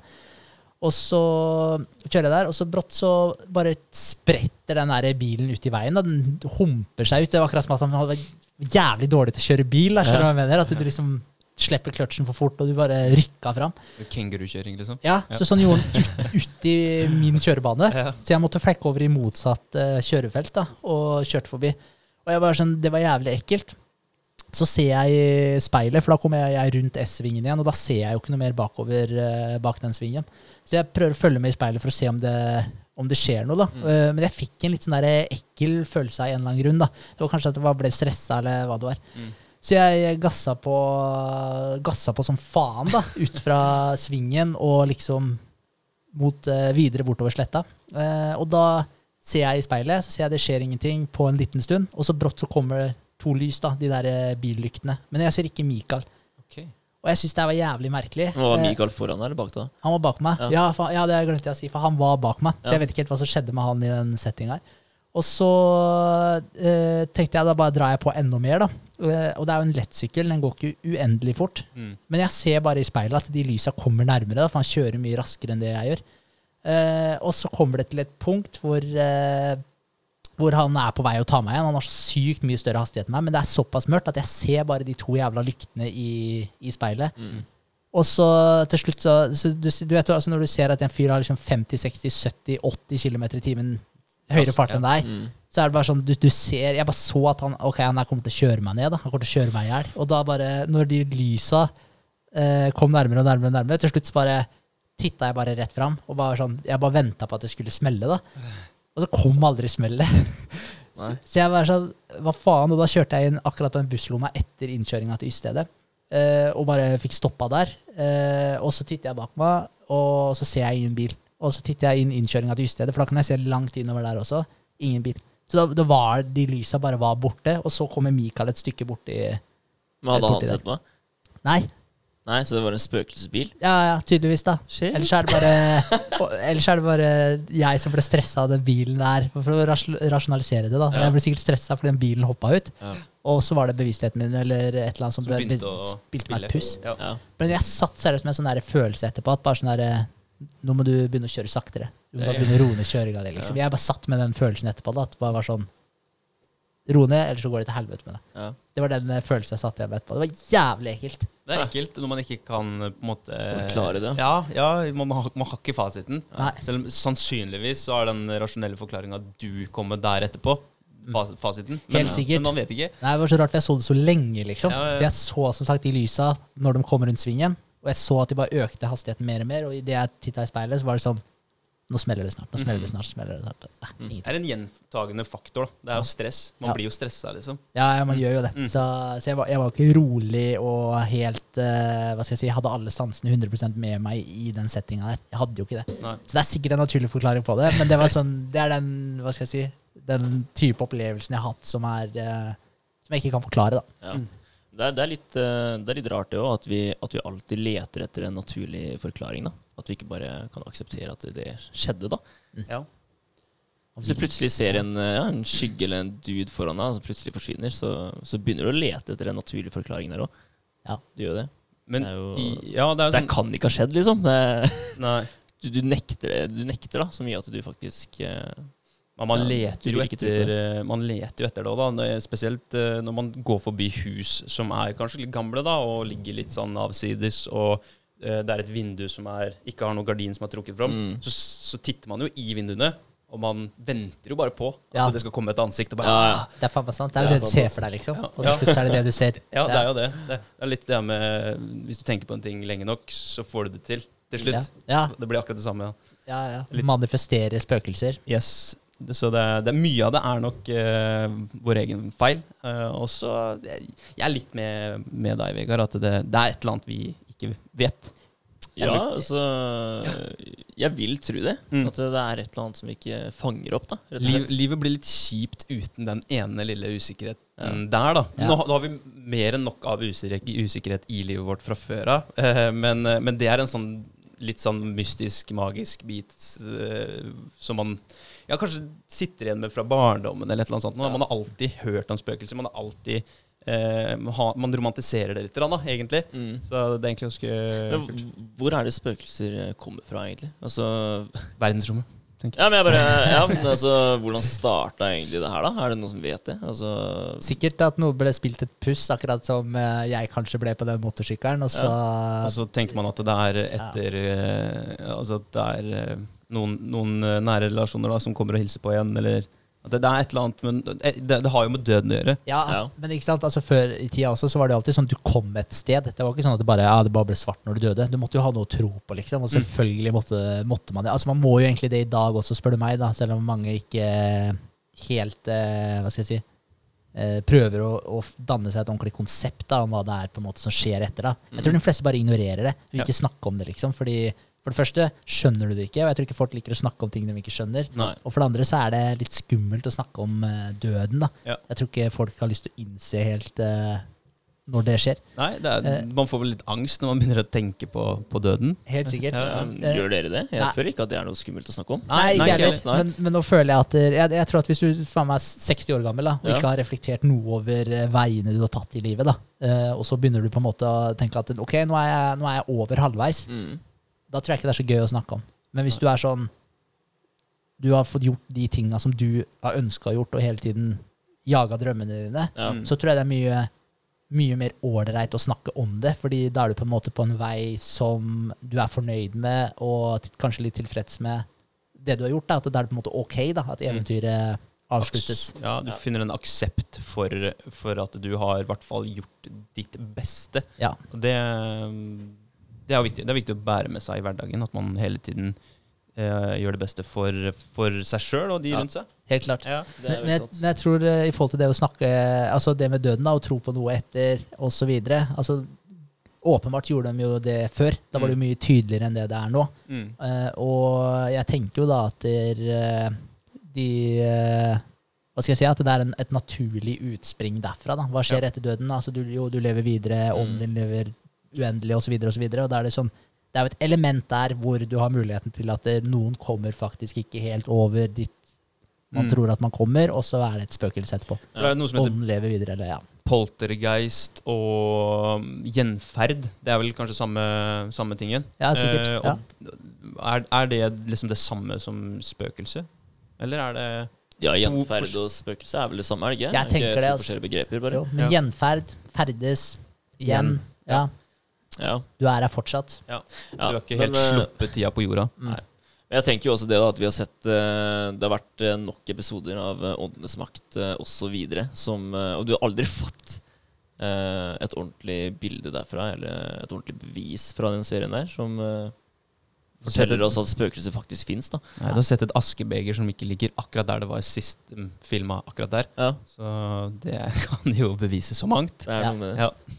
Ja, nei, det er litt Det er alltid det, er det som er greia. ass. Det er alltid sånn diffus shit. ass. Det er alltid dårlig kvalitet på kameraene, det er Mm. dårlig kvalitet på lydopptaket, det er mørkt som faen, du ser ingenting. Altså, Det er jævlig irriterende, for det er akkurat samme med, med ufo-bilder òg. Ja, jeg skal akkurat si det, også. ja, Alltid dårlig kvalitet. dårlig. Og det er kornete, og så Ja. er det små objekter, lang avstand. Ja. Eh, det er alltid et eller annet. Ja. Svart- Men det fins. Ja. det, det er vi sikre på. Det, det Ja, det er vi faktisk sikre så, på. Så det er jo liksom det spørsmålet. da. Trenger vi virkelig både aliens og spøkelser, eller holder det med? For meg så holder det egentlig med aliens, men eh, ja. Men fortell meg det her, da. Hvis det hadde kommet HD-bilde av et spøkelse, mm. hadde dere trodd på det? Det hadde, Eller en alien, da, for den saks skyld. Ta en alien, da. Hvis det hadde kommet HD-bilde Altså nå, så kanskje Ja, det hadde hadde, vært så jævlig mye jeg, jeg, jeg hadde mye raskere trodd på det hvis det hadde vært aliens. Et HD-bilde av en alien. Ja. Fordi det har faktisk begynt å bli litt godtatt, da, å Ja. tro på det. Ja. Men uh, spøkelser, det, er, det, er fortsatt litt, det blir fortsatt litt gjort Men narr av i medier osv. Det gjør jo det. Men det, når det kommer som et HD-bilde, så tipper jeg det første reaksjonen til nesten 90% av befolkningen er faking gay. Ja, ja, Ja, det det er tenker jeg. Det er for god kvalitet, altså. Ja, ja, ja. 4K, liksom. Det er det som er da. Nei, Det er- det er litt synd. At, eh, at det er sånn. Ja. Eh, det er jo sånn det har blitt gjort med aliens så, i så mange år. Det har bare det har blitt gjort, gjort narr av. Mm. Så lenge at folk tør jo ikke å tro på det engang. Ikke sant? Men, men der hørte jeg faktisk i forhold til det med å måtte ha en forklaring på ting og, og ha beviser på alt og sånn. Det var uh, han der eh, Hva heter han igjen, da? Sidhard eh, Hva faen heter han? Han derre munken, holdt jeg på å si. Han uh, guru. Uh, hva heter han? Han har vært på Impact Theory og sånn. Uh, var det du kalte Eller hva, hva begynte det på? jeg, jeg, jeg klarer ikke helt å Søk på Impact Theory, guru. Eh, for i hvert fall han, da, eh, snakker om eh, dette med Han der, ja. Hva heter han? Sadguru? Nei. Sad, Sadguru, ja. Ja, Sadguru, ja. Mm. Eh, for han snakker om det. Altså, folk i dag, da, dagens moderne sinn, Ja. uh, og da mener jeg jo ikke alle, men veldig mange, det er ikke noe vits å kaste bort tida di på tro engang. Fordi hvis Gud da hadde dukka opp rett foran deg, så hadde du du, hadde, du måtte ha en forklaring, du måtte ha bevis på at det var Gud. Det var sånn han forklarte det. da. Og det er jo egentlig litt der vi er. da. Så Ja, men det hadde, er det. ja, uansett om det hadde poppa opp foran deg, så er det sånn Nei, jeg skal ha en forklaring på det. Mm.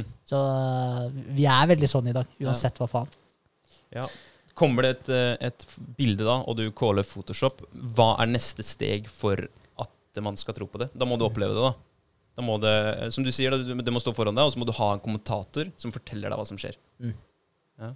Ja, du, du må nesten det. Ja, Det fordi, ja, Du må ha en annen dude som sier til deg at det her er ekte. ja. Ja. Ja.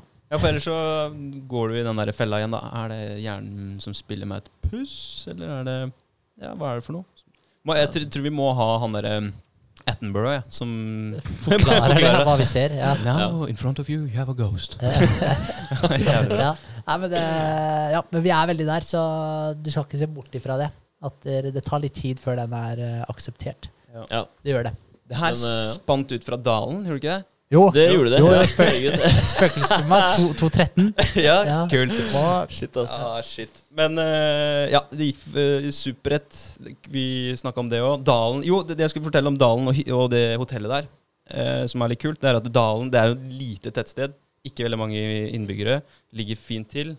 Uh, lite tettsted, lite penger. Men den bygde det luksushotellet der, da, som det er. Uh, og der, det trakk eliten dit. Så der har jo konger og dronninger og sånn i mange mange, mange år eh, feriert. Og det går en båt til og fra som går opp og ned Telemarkkanalen her. da Mm. to, Ja, det går flere båter, egentlig. Men, eh, så det er litt kult at du har et veldig fattig tettsted eh, som, fra gammelt av, som da eh, får etablert et jævlig fancy hotell hvor eliten trekker til. Kult. Moro. Ja. Eh, og utafor det hotellet så er det fint sted å bade, og de har eh, fått en sauna på brygga der òg. Kult. Eh, Deilig. Så vi suppa i eh, fjorden der, og standup paddleboard, ja, det er sånn du blåser opp. Du har en lang åre som du kan justere. Uh, vi har kjøpt uh, For du kan jo kjøpe forskjellige varianter som tar x antall kilo. Vi har kjøpt en som tar 150 kilo, så da kan Mm. man være to og en bikkje, da. Så vi var jo, det var oss tre som var på, på standup-tur. Standup paddle-tur. og så bærte turen videre til Fyresdal. Det er sørover mot Sørlandet. Eh, der eh, var vi på et eh, veldig fint tettsted der også. Ikke, aldri hørt om det før, men så at de hadde gjort mye for å trekke turismen dit. Man hadde utvikla en egen næringspark i nærheten av Fyresdalsvatnet, som er en stor innsjø. Ja. Eh, så der løp vi oss eh, en tur og, og bada og kosa oss. Og så kjørte vi ned til Kragerø, eh, overnatta der og var på Jomfruland. Eh, det har jeg alltid, alltid eh, hatt lyst til å besøke. Eh, sikkert fordi at det høres jævlig eksotisk ut, uten å være jævlig ekkelt. Fordi- fordi- Ja, for det er sånn litt sånn Alle muslimene drar jo dit. Det var jo tett bak Nei, jeg var ikke da. Det var ikke Ja, jeg bare det der. Er Ok, 12-20 mus- Nei, 20 jomfruer, eller hva faen? Nei, det er 70, er det ikke det? Nei, det er 70 du får når du kommer til Mm. Nir... Nirvana? Nirvana? Nei, nei, det er jo Nå er vi helt i det. Nirvana er jo faen meg Hvor er det? Det er jo indisk, holdt jeg på å si. Hinduismen. Hinduismen er det. Ja. Hva er det Ja, hvor kommer det? Det er himmelen, da. Som muslim kommer. Okay? Jeg vet ikke. Nei, det er Jeg usikker. ikke ass. peiling. Mohammed eh, sier i hvert fall at det er jævlig mange jomfruer der. Men det Ja, var ikke det 72. 72. 72. 72 Det er det, jomfruer. ja. Men det var ikke det på Jomfruland eh, når jeg var der nå. Eh, jeg spurte ikke folk, da. Er det jomfru? Uh, Durer jeg ikke. Nei. Nei. Nei. Men eh, veldig fin, fin øy. Eh, kystmiljø, holdt jeg på å si. Eller kyst, eh, kysten på, på Sørlandet, Kragerø-området der er jævlig fin. Det blir litt sånn som Hvaler, bare eh, i litt større proporsjon, egentlig. Ja. Eh, større øyer. Uh, kanskje ja, Jeg er usikker på om det er mye større sånn totalt sett, men eh, det virka sånn. Uh, Jomfruland er uh, rullesteiner, masse rullesteiner. Fyr, uh, kafeer. Eh, ja, veldig, veldig fint. Og så Mm. dro det til Oslo igjen. eh, besøkte familien der. Og tilbake hit, og er her nå. Så det har vært en liten miniferie. En liten recap av uka. Eh, og vi snakka litt om eh, stress i forhold Mm. til å se spøkelser. Stress i forhold til å oppleve virkeligheten litt annerledes. Eh, og eh, det er egentlig det jeg har litt lyst til å snakke om i, i dag. Ja. Stress og eh, en metode å håndtere det i sann tid. Ehm, for det er veldig mange metoder å håndtere stress på, som er sånn Du må trekke deg litt tilbake, du må avbryte det du gjør eh, for å eh, redusere stressnivået. Eh, mens eh, det er viktig å kunne en metode for å eh, redusere det nå med en gang, mens du holder på med det du gjør. Så du slipper å avbryte arbeidsoppgaven din, eller avbryte det som faktisk forårsaker stress for deg. da. Eh, å ha det, det i verktøyskuffen sin, det er veldig viktig. Eh, men først eh, stress. Vet dere hva, hva det er? Hvis man skal definere stress. Altså fysikken i kroppen din, liksom? Eller? Ja, hva, hva det er, da. Det er en, stress er en Og så kan du si hva det er. Ja, stress er en eh, respons, tenker jeg, på at du ikke har eh, At du ikke føler at du har full kontroll på de tinga som du kanskje mener egentlig at du skal ha full kontroll på. Eller at du ønsker å ha kontroll på. Ja. Det er kanskje sånn jeg tenker på stress. Ja, Ja. Ja. ja, men det er kult. Hva tenker du på når du tenker på stress? Jeg tenker egentlig mye likt av det. At du ikke føler at du har kontroll på situasjonen. Du Mm. takler det ikke, rett og Mm. slett. Det blir for mye for deg, da. Ja. Ja. Tar deg vann over hodet. Eh, og det er jo inne på det, for det er jo veldig mange, mange forskjellige typer stress. Eh, Mm. Men stress per definisjon er en belastning på eh, Ja, på en, eh, et objekt. Du kan jo stresse et treverk ved å bende på det. Ja. Eller belastning på organisme som, som oss, da. Eh, så du har forskjellige, forskjellig typer stress. Eh, og så har du jo stressorer, da, som er eh, det som framprovoserer stresset, da. Så for eksempel hvis jeg stresser et treverk, da er jeg stressoren, fordi jeg bøyer på treverket. Hvis jeg har en Mm. pinne og knekker den, så er jeg stressoren. Men hvis for eksempel du, Vegard, har um, et kutt da, på hånda di, Mm. Så, så er Og det er, du har skåret deg med en kniv, så er jo kniven stressorden og kuttet stresset på kroppen, rett og Ja. slett. Eh, stress, stressorer eh, kan jo være inni oss også. eh, at organismene eh, blir møtt av en eller annen form for belastning eh, innabords. F.eks. et virus eller en bakterie eller hva det måtte være. Mm. Det blir en reaksjon i kroppen, da. Yes, Ja. Det blir som når du bøyer en ståltråd, og så blir den varm. Ja. ja. Da har du stressreaksjon der. Det er det, vi har jo snakka sinnssykt mye om eh, det egentlig sånn litt sånn indirekte. I form av alle de utfordringene vi har snakka om, i form av eh, cold shower, pusting, og det er akkurat det vi kommer litt tilbake til. da. Vi har jo snakka mye om det, og det er jo ikke uten grunn. Ting gjentar seg fordi det er jævlig viktig. Mm. Eh, men da, da, da har vi i hvert fall uh, funnet ut av hva stress er, og hva en stressord er. Uh, og så har vi noen verktøy mot disse uh, ja, situasjonene. da. Stress. Stressfaktorene. Stressfaktorene. Ja. Vi har meditasjon. Det er et verktøy. Men da igjen må du jo ut av din egen vei da, for å meditere. Vi har pusteøvelser som kan gjøres on the go, og det er litt det vi kommer tilbake til. Du har kosthold. Mm. Det er også med på å redusere stress. Eh, hvis du spiser ting som kroppen ikke håndterer bra, Mm. så får du en stressreaksjon i kroppen. Ja, så hvis du spiser inflammatoriske ting, inflammatoriske ting f.eks., så, så må jo kroppen din deale med dem. Da Yes. Da har kroppen din mindre kapasitet til å deale med Andre ting. andre ting. Ja. Mm. Så hvis du da har mye å gjøre på jobben, og eh, du jobber overtid, og så kjøper du med deg en feit pizza og potetgull for å eh, offloade skal si, ja, matlagingsprosessen hjemme, da, at du ikke orker å gjøre det fordi du har hatt mye å gjøre, eh, og så kommer du hjem og så spiser du masse inflammatorisk, så har du gjort deg sjøl en jævlig stor bjørnetjeneste. Fordi da er du stressa pga. at du ikke har fått unna jobben, eh, jobben da. og så skal du hjem og eh, kjøpe deg tid, men så kjøper du også ting som framprovoserer Eller ikke lar kroppen få gjøre jobben sin, da. Mm. Så, Ja. så Det blir en belastning på kroppen. Da. det blir en belastning. Ja. Ja, for eh, sånn jeg, sånn jeg ser for meg litt at kroppen fungerer da. Jeg ser for meg at ok, du har 100% kapasitet, hva enn det skulle være for. da. Ja. Og så tenker jeg jo at der, hvis du på en måte hvis du har spist noe drit da, som er hardt for kroppen din å, å takle, så bruker du noen av de prosentene av kapasiteten din til å deale med det. Mm. Og hvis du samtidig kanskje har blitt solbrent som faen den dagen, da, så bruker du også en del av kapasiteten i kroppen din for å deale den forbrenninga du har fått. da. Mm. Eh, så jeg ser for meg at du hele tiden da tar en bit av det samme lageret. Ja. Så du har 100% men så blir det fordelt utover på alle disse tinga her. Så hvis du klarer å eliminere Det er vel egentlig det du sier, at hvis du eliminerer visse Stressmomenter. Ja, Ja. Så, så kan du takle de stressmomentene som er igjen, enda bedre. Det er akkurat sånn jeg ser for meg, ser for meg det også. Og det, det gir jo mening når man hører alle historiene om Hvis vi drar kostholdet, kosthold som eksempel en gang til. da, Historiene om eh, de som har autoimmune problemer. Mm. Eh, der har du jo en konstant stresspåkjenning på kroppen hele tiden.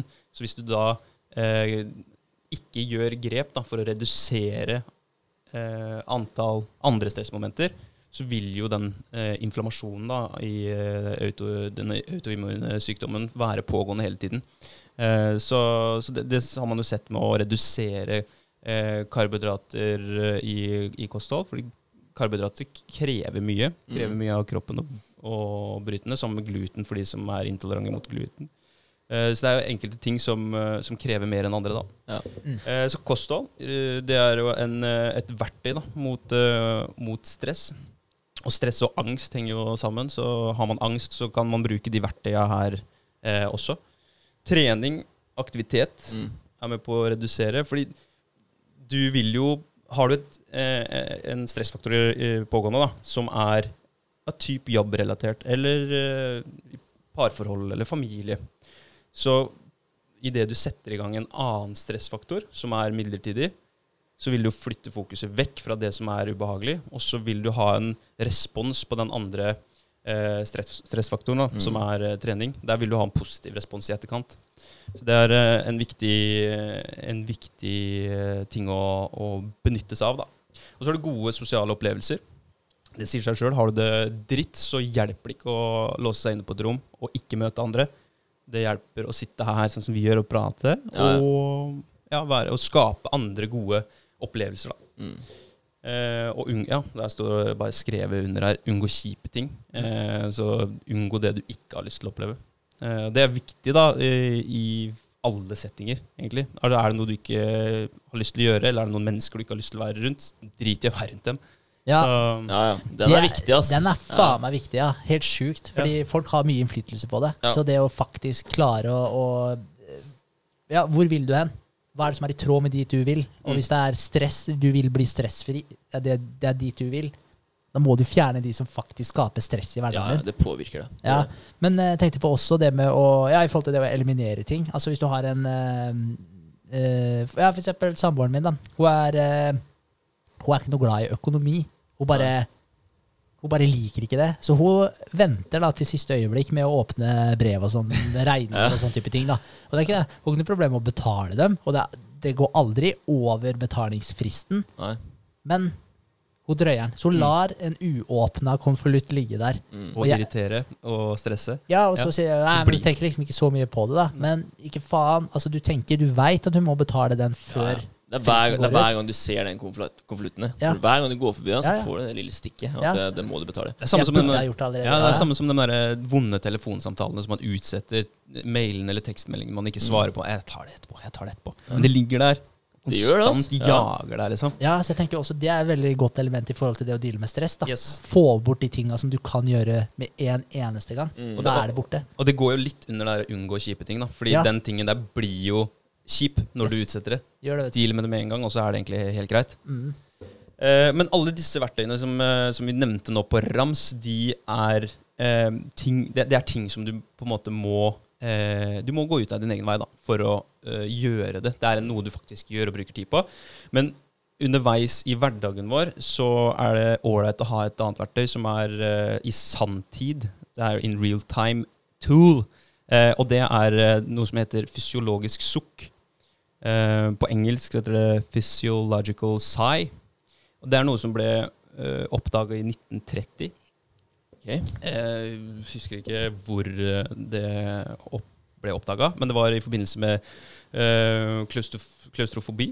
Og de oppdaga det når du er i en klaustrofobisk situasjon, så er det en naturlig respons eh, å sukke på den måten her, da, som jeg skal forklare hvert øyeblikk. Og så har de oppdaga det i dyp søvn. At det er noe vi gjør i dyp søvn. Mm. Så det er litt eh, interessant. Det er, stammer tilbake til 1930, og det pågår nå eh, ganske store forskningsprosjekter på det her, på både Harvard og Stanford. Så det er Mm. ganske kult. Um, det er et spesifikt pustemønster, og det, det er sånn du kan gjøre to-tre ganger. Det tar deg kanskje maks ti sekunder. Eh, nå forsvant bildet, men jeg bare fortsetter å rante. Ja. Eh, spesifikt pustemønster. Det er litt sånn i tråd med det vi eh, har gjort i Wim Hof-verden. Eh, litt i tråd med vi, Jeg har jo snakka om pusting med nesa eh, tidligere, og hvorfor det er bra. Og her kommer det inn igjen. da. Det er to innpust med nesa. Så det er ett eh, litt kortere og ett litt lengre. Og så er det eh, et eh, relativt kort utpust med munn. Så er det, for å demonstrere, nesa inntil mikken. Det er det Mm. Noe i den duren. Ja. Litt kort, litt lenger med nesa, og så ut med munnen. Og har du problemer med å puste med nesa, om du er forkjøla eller noe blokkerer der, eller du syns det er ubehagelig, så gjør det samme med munnen. Fordi det er ikke nødvendigvis hvor lufta kommer inn, men det er hvordan den kommer inn. Eh, og det mønsteret der. Og det er, det er mange fysiologiske prosesser som, eh, som er i gang. Eh, jeg skal ikke bevege meg dypt inn i det, for da roter jeg meg borti et eh, spindelvev som er vanskelig å komme ut av. Det er eh, viktigste her, da, det er at du, du får ned Du får eh, danna noe som heter adrenalin, og dere har hørt om? Mm. Fra mm, eh, Ja, egentlig bare ved å endre pustemønsteret ditt og fylle eh, lungene maks opp, da. Så det er ett kort, og så ett langt uh, innpust med nesa. Så du makser kapasiteten din. Yes. Ja. Og så uh, i i disse de to eh, posene da, som er lungene våre, det er jo ikke egentlig bare to poser. De to posene har jo millioner uh, av bitte små poser på seg igjen, Mm. som også kan være enten blåst opp eller kollapsa. da. Ja, Så det, så det du gjør da ved det andre innpustet, det er at du fyller de, noen av de små som kanskje har kollapsa. Eh, og, og dette da gjør at der, eh, Hva heter det der eh, Som slipper ut adrenalin igjen? Eh, ja, det spiller ingen rolle, men det, du får i hvert fall utskilt adrenalin. Og adrenalin er med på å angripe eh, stressprosesser i kroppen. Og vi snakka om Tim, nei, Wim Hof i forbindelse med, med hans pustemetoder. Mm. Og han har jo henta de fra et urgammelt uh, konsept som heter Tamao breathing. Ja. Mm. Altså, jeg tenkte at uh, adrenalin uh, backa det opp, ja. At det nesten gjorde det verre. Ja, men de er med på å bekjempe, faktisk. Ja. Ja, men altså, adrenalin nå øker ikke det eh, blodårene, holdt jeg på å si, hviler dem ut, og så videre, så det det. flowen Da- går da raskere. det liksom maks. og, ja, Det er jo alt maks. Men eh, altså sånn i en uh, klaustrofobisk er eh, lett Ja, ja. Ja. Men sånn når du får klaus, da, og da kan du gjøre den øvelsen her, det det du sa, var det ikke? Ja, det var der de, de oppdaga at det, det ble gjort. da. Ja. Men tror, tror du det er litt sånn eh, altså da, Fordi hvis du får beskjed om å gjøre det, da, eh, da tenker du også på å gjøre noe annet. Når du puster på en helt annen måte. Og da i stedet, I stedet for å ha den der syke pusten da, som du har når du får klaus, da får du panikk. Mm. Og Ja, det å skifte fokus, ja, som du sier, og få en pusteteknikk da, som du skal holde deg til. det var jo det vi så på. Han ene, eller jeg så på en har sikkert snakka om det før òg, som sa at når du drifta bort, så bare endre pustemåten din. da. Mm. Eh, Istedenfor å puste inn med nesa og ut med munn, så pust åtte ganger inn med nesa sånn, og, og ut med munnen kjapt. sånn. Ikke sant? Åtte stykk. Så bare du endrer mønsteret, som du sier. Og det er, det er sikkert noe, inn, i, noe i de banene der også. Mm. Men eh, tilbake til eh, utskillelse av adrenalin fra the adrenal glands. Eh, det skjer i hvert fall. For det er eh, et annet prosjekt, eh, forskningsprosjekt som har vært på, eller et eksperiment da, som har vært på x antall mennesker. Jeg husker ikke hvor mange det var, men det var et det var, Wim Hof var sikkert med på det her, for det var mennesker som ble utsatt for en bakterie Mm. ja, og fikk feberlignende, feberlignende symptomer. Kvalme og litt sånn forskjellig. Og de brukte den eh, metoden her for å prøve å se om det kunne være med på å bekjempe. Da. Og det er adrenalinet som bidrar til å bekjempe. Så kult. Kult verktøy. To innpust, ett utpust med bunn. Eh, gjør det to-tre ganger, så vil du endre noe i kroppen din. Ja. Eh, veldig, veldig fascinerende. Og så var det en, en ting til da, som var litt Når jeg dyppa litt uh, tåa ned i, i eh, fysiologisk sjokk, Mm. så er det noe som er tilhørende med det her. Hvis du uh, har lyst til å prøve å øke pulsen din, uh, eller senke pulsen din, så har du også verktøy for det ved, ved å puste med både munn og nese. Der var det vel sånn, der hadde det med plassen du skaper for hjertet i det du puster. For det som skjer når du puster ut, så trekker du diafragma opp, som er den der bunn, den pu største pustemuskelen, eh, som er ved, under lungene. Eh, så da trekker du dem bort når du puster ut. Så skaper du jo større plass for hjertet. Og motsatt når du puster inn. Mm. Så blir den for høy, eller forhøya, da. Den blir trukket opp Ja. eh, og skaper mindre plass for hjertet. Men det, det gjør man jo som regel eh, hvis du er ute og løper, da. Mm. Eh, og du er skikkelig andpusten når du er ferdig. Mm. Så, så prøver du jo Da prøver alltid jeg å senke Ja, pustetakten. Ja, jeg gjør det. frekvensen. Prøver å roe ned hjertet, liksom. Det, det gjør jeg hele tiden. Og her, og her er det sånn at der, jeg mener det var når du da puster ut eh, Hvis du har fokus og eh, et tungt ut, en tung utblåsning, Mm. Så har du fokus på, på det eh, som skaper mer plass for hjertet. Ja. Og da vil du senke pulsen din. Men hvis du da puster hardt inn og puster rolig ut, så vil du øke pulsen din. For da er det trangere for hjertet å jobbe. ikke sant? Mm. Da må du pumpe hardere for å få ting rundt. Mm. Så du kan manipulere pulsen din da ved å enten fokus og harde drag ut eller inn. Ja. Også en eh, veldig kul greie, da. Hvis du har lyst til å manipulere det på et Ja. eller annet, eh, for et Det, det, det er gode tips formål. for uh, løgndetektor, da. Ja, jeg tenkte, jeg tenkte akkurat på det. For sånne, sånne som har, har litt å skjule, da. Som Ja. bare roer ned pulsen sin. Ja. Så det er fysiologisk sukk, det må dere da prøve. Hvis dere merker at nå er jeg litt stressa, det trenger ikke å være at du holder på å daue, liksom. Men, Men jeg, eh, jeg, jeg føler ikke at jeg klarer å merke når jeg er stressa. Nei, ok. Jeg bare Jeg vet ikke. Kanskje du alltid er zen-berger? Jeg vet du hva? ikke. Jeg tror jeg alle, Jeg- jeg- jeg- alle tenker det om deg. Jeg Da er mediterer, klart, jævlig, jeg mediterer jævlig mye da. Jeg mediterer jevnlig, da. Ja. Så, så Ja, jeg og da føler jo bruker du jo verktøya da, Ja, mot stress. ja så, så jeg gjør jo det. Så du Så trenger ikke å gå ut av din vei for å håndtere det. jeg føler ikke det. Men jeg vet at innimellom, så når jeg har kommet hjem fra jobb, da det, var, det var mye mer tidligere, egentlig. Eh, men da kunne ting gå om og om og om igjen i hodet mitt. da Hvis jeg hadde hatt en litt fucka opplevelse på jobb, et eller annet jeg var uenig i, eh, som det hadde blitt et eller annet gnisning, et eller annet som bare plaga meg. så, så var jeg veldig oppspilt da, veldig oppspilt når jeg kom hjem fra jobb, og var veldig høyt oppe. Og, og det her gikk bare og surra hele tiden. da. Hvis jeg mediterte da, eh, fem minutter, ti minutter, spilte ingen rolle.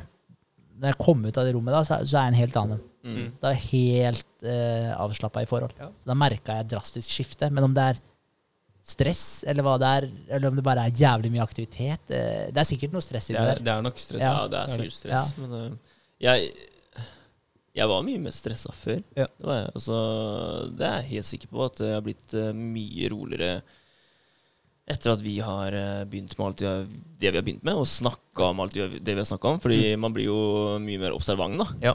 eh, når man hører om det. Vi snakker jo mye om det, ikke sant? Og det er jo ting jeg ikke har tenkt, øh, tenkt over før, da, kanskje. Eh, og bare det å få litt mer rutiner i, hverdagen. Ja. Eh, det tror jeg har hjulpet veldig mye. Men Ja. eh, jeg òg hadde den derre I hvert fall før, fordi nå, nå så har man sånn i arbeidslivet, da, eh, hvor du hele tiden ville imponere, da. Og klare å få til mest mulig på kortest mulig tid. Ikke sant? Da, da ble det veldig fort et uh, stressmoment. da Mm. Det ble det. Men uh, der er jeg ikke lenger. Nei, du jobber litt for deg sjøl, og du er ærlig med deg sjøl. Det hjelper nok på stress, uh, stresshåndteringa di. Ja. Og det er eh, at du er underbevisst bevisst. da. Eh, fordi du, vi snakker om de tinga vi snakker om. Mm. Så jeg tar jo med meg alle de tinga vi snakker om her, litt ubevisst inn, inn i hverdagen, selv om jeg kanskje ikke husker alt sammen. Så, Nei, så er, det med meg. Absolutt. Uh, så det her er en veldig, veldig god greie vi har uh, pågående. Ja, men, men det, det er egentlig sagt uh, tidligere også, men jeg skal gjenta det. For jeg føler at den er veldig essensiell i forhold til det vi snakker om nå. Og, og jeg kan også skrive under på at etter vi har begynt med de tinga her, så, så har stressnivået mitt også sunket. Mm. Selv om jeg har 100 ganger mer å gjøre nå enn jeg hadde før. Mm. men jeg tror det har veldig mye med det å finne det der overordna målet. Du Mm. har den der røde tråden. For da, da blir de små tinga i livet ditt blir ubetydelige. Det er ikke noe vits å få en følelsesmessig Mm. reaksjon overfor det med at søppelet ikke er tatt ut, og bla, bla, bla. Alle de her små filletinga som jeg kunne på en måte bli følelsesmessig involvert i, få en reaksjon på tidligere. Hvis jeg får det nå, så tar jeg meg i det Mm. og sier til meg sjøl det her er så jævlig ubetydelig. Gå ut med den jævla søpla sjøl, og så klapper du igjen, liksom. Og så bare ta meg, arrestere meg i det med en gang. Og det føler jeg at det der med å ha et svært mål, så du vet at du er på riktig, riktig veien her, så, så føler jeg at det, det fjerner alle de der små, små tinga som jeg kunne bli oppspilt over tidligere. Ja. Det blir ikke sånn eh, grumsete hverdag lenger, da. Nei, Nei. du veit hvor du er på veien, Ja. og det er dit du vil. Mm. Og så stå opp eh, og tørre å se seg sjøl i speilet og si til seg sjøl at man er glad i seg sjøl. Det tror jeg også er jævlig viktig. At man faktisk er glad i seg sjøl. Hvis man står opp og prøver å unngå øyekontakt med seg sjøl, eh, og ikke klarer å anerkjenne sine egne positive egenskaper, og sånt, og så vil man også ha et litt sånn stressmoment eh, rundt eh, dagen sin og livet sitt generelt, tenker jeg. Mm. Jeg merker også Og jeg vet ikke om det er bare fordi jeg venter på at karmaen skal komme tilbake og gi meg noe. Men jeg, jeg, jeg går og plukker søppel etter andre, andre hele tiden nå. Men jeg vet ikke om det er uh, ubevisst. Jeg, jeg har jo tatt et bevisst valg om å gjøre det. Og det gjør at jeg blir mer glad i meg som person. For jeg tenker at faen, du er ålreit, André, som går og plukker opp søpla til, Ja. til Det er- andre. Det er en god gjerning. Ja. Ikke sant? Og jeg tenker at de, Selv om jeg ikke har noen sånn karma-tilhenger, men tenker jeg at de gode gjerningene forplanter seg til slutt. Ja. Og så hvis du gjør én positiv, god gjerning for naturen, eh, så er det en repetisjon da, for positive gjerninger mot andre. Eh, og du blir bedre på å gjøre ting som er bra for andre. da. Mm. Helt klart. Men, det er, men det er det du sier, altså det er bare med å se deg sjøl i øya i speilet. Da. Altså Den der selvfølelsen du har, Mm. og hvordan du, hvordan du ser på deg sjøl. Og for Jordan Peterson fikk meg til å tenke veldig på det, for han sa at der, eh, for han, han tok opp det eksempelet med at der, eh, hvis du har et, et dyr som er sykt, eh, og så får du resept, uh, og du må følge et eller annet medisinløp til det, til det dyret, kjæledyret ditt. Betale tusenvis av kroner. Ja, Mm. og, så, eh, og hvis du ser på det samme med deg sjøl, hvis du blir syk, og du må følge et reseptbelagt medi med, ja, En medisinkur. medisinkur, ja, Mm. la oss kalle det. Eh, og forskjellen da, på hvor, hva gjennomføringsevnen er som prosentmessig i forhold til hvor flinke folk er til å ta vare på kjæledyr- kjæledyret sitt kontra seg sjøl. Mm. Og det er helt sjukt forskjell, liksom. Det var sånn jeg, jeg husker ikke nøyaktig tallet, men jeg har lyst til å si at det var sånn typ 100% som fullførte det på kjæledyret sitt. Og så var det kanskje jeg vet, ikke om, vet ikke om det var 70 Jeg har for meg at det var noe 70% og da lurer jeg på om det, eh, om det da var ikke fullførte, eller Ja. om det var fullførte. Ja, Jeg husker Nei, ikke. sant? Men poenget er i hvert fall at det er en drastisk forskjell da, Ja. på hvor mye bedre du tar vare på dyret ditt enn deg sjøl. Det er jo en utrolig stor kjærlighet til, eh, til kjæ- kjæledyret ditt. ja, men, ja. men da kommer spørsmålet, da. Hvorfor Ja. har du ikke den samme kjærligheten overfor deg sjøl? Mm. For det var det egentlig Jordan Peterson sa. For Mm. han sa sånn Jeg tror at det er fordi folk ikke Eller folk behandler seg sjøl som om de er en person de ikke liker så jævlig godt. Mm. Og Jordan Peterson sa også at det, Og jeg tror faktisk det stemmer, for jeg tror ikke folk flest er så jævlig glad i seg sjøl. Fordi du vet all 100% all dritten du har gjort, alle de dårlige valga du har tatt, alle gangene du så søppel på bakken og ikke tok det opp, Mm. og alt de greiene her, da. Selv om du har gjort masse bra også, og sikkert ser på deg sjøl som en decent person sammenligna med mange andre, kanskje. Men greia er at du vet alt du har gjort tilbake i tid. Mm. 100 Ja, ja, Og da er det sånn Det er en veldig typisk greie, da. Eh, altså, eldre mannfolk, da, for eksempel. Ikke sant? De drøyer jo det å dra på sjukehuset så lenge. Ikke sant? Mm. Tenker jo, nei, det går bra. Det er ikke noe gærent med meg. Ikke sant? Men den burde, altså, hadde det vært eh, hunden din da, som hadde gått og småhalta litt, Mm. så hadde du jo sendt den til legevakta med en gang. Ikke Yes. sant? Og så er det det samme med andre mennesker òg, da. Ja. Altså familien vår og sånt nå. Vi er veldig glad i dem. Vi gir dem råd, tips og klemmer dem og, og sånt nå. Ja. Uh, og vi klarer ikke å gjøre det med oss sjøl. Gi oss sjøl de tipsa og råda, og klemme seg sjøl. Se, se deg sjøl i speilet og si Faen, så god du er, André. Eh, I dag er du helt rå. Mm. Du er sterk, du har en god helse, du har en flott familie, flott kjæreste. eh, du bor i et eh, bra land. Faen, du har alle forutsetninger for å bare gønne på og nå alle, alle måla dine. mm. Men det er, ja, Ja, nei, altså jeg bare tenker det, det må jo være utrolig deilig å bare dra til sykehuset og ta en uh, fullstendig sjekk da, Mm. av deg selv, og bare få en bekreftelse på at alt er bra med deg. Mm. Det, det er ingenting som feiler deg da. Da jeg tror du får en eh, ganske bra selvtillit-boost av det. Altså. Mm. ja. Bare synet ditt er bra, hørselen er bra, altså bare du er frisk da, og god. Men det er vel de er redd for å få det motsatte Ja. sagt til seg sjøl. Kanskje det er bedre å ikke ta stilling til noen. Yes. Det er som den eh, konvolutten som ligger der uåpna, Ja. som du ikke aner hva er. Ja, det er det det blir. Bedre å bare utsette det. Kan være hva som helst. Ja. Men, eh, men da tenker jeg jo altså, for å gjøre seg sjøl en tjeneste, da, både med det her med stress, stressnivå, men også det å ta ordentlig vare på deg sjøl, det er jo faktisk gjøre de tinga du sier du skal gjøre. Mm. Og da kanskje skrive ned to eller tre eller fire ting eller hva det måtte være da, som du skal gjøre dagen etter, og faktisk gjøre det, sånn at du kan stå foran det speilet og bare, vet du hva, i dag så har du vært flink. Du kan se deg sjøl i øya, gi deg sjøl en klapp på skuldra, Mm. Og bare Ja, tommel opp. Det har vært bra. Ja, For det er viktig. Det er jo Ja. viktig å være for, gjøre seg fortjent til skryt nå. Man skal Ja. ikke bare sluntre unna og spise dritt og Men være negativ. Men da kommer du ikke til å føle deg bra uansett. Nei, fordi det. du har sagt Du du, ting, og så gjør du det ikke. Og så vet du egentlig at du burde ha gjort mer, og da ligger du med en så konstant jævla dårlig følelse. Mm. Jeg har gjort Ja, det mange ganger sjøl. Jeg gjør det jo fortsatt. For jeg Ja, ja. tenker at der, eh, jeg tar meg, tar meg en dag eh, fri, liksom, og gjør andre ting. Bare litt hedonistisk oppførsel. Og så, og så våkner du dagen etter, og så er det bare sånn Faen, jeg kunne ha gjort mer. Kunne ha gjort det mer denne uka. Ja. Mm. Så, men det, men det er en bit av å være menneske, Ja. tenker jeg. Du, du kommer ikke Du klarer ikke å ha en 100 eh, et 100% liv 100% hvor du oppnår absolutt alt. overhodet ikke. Det går ikke. Nei. Uoppnåelig.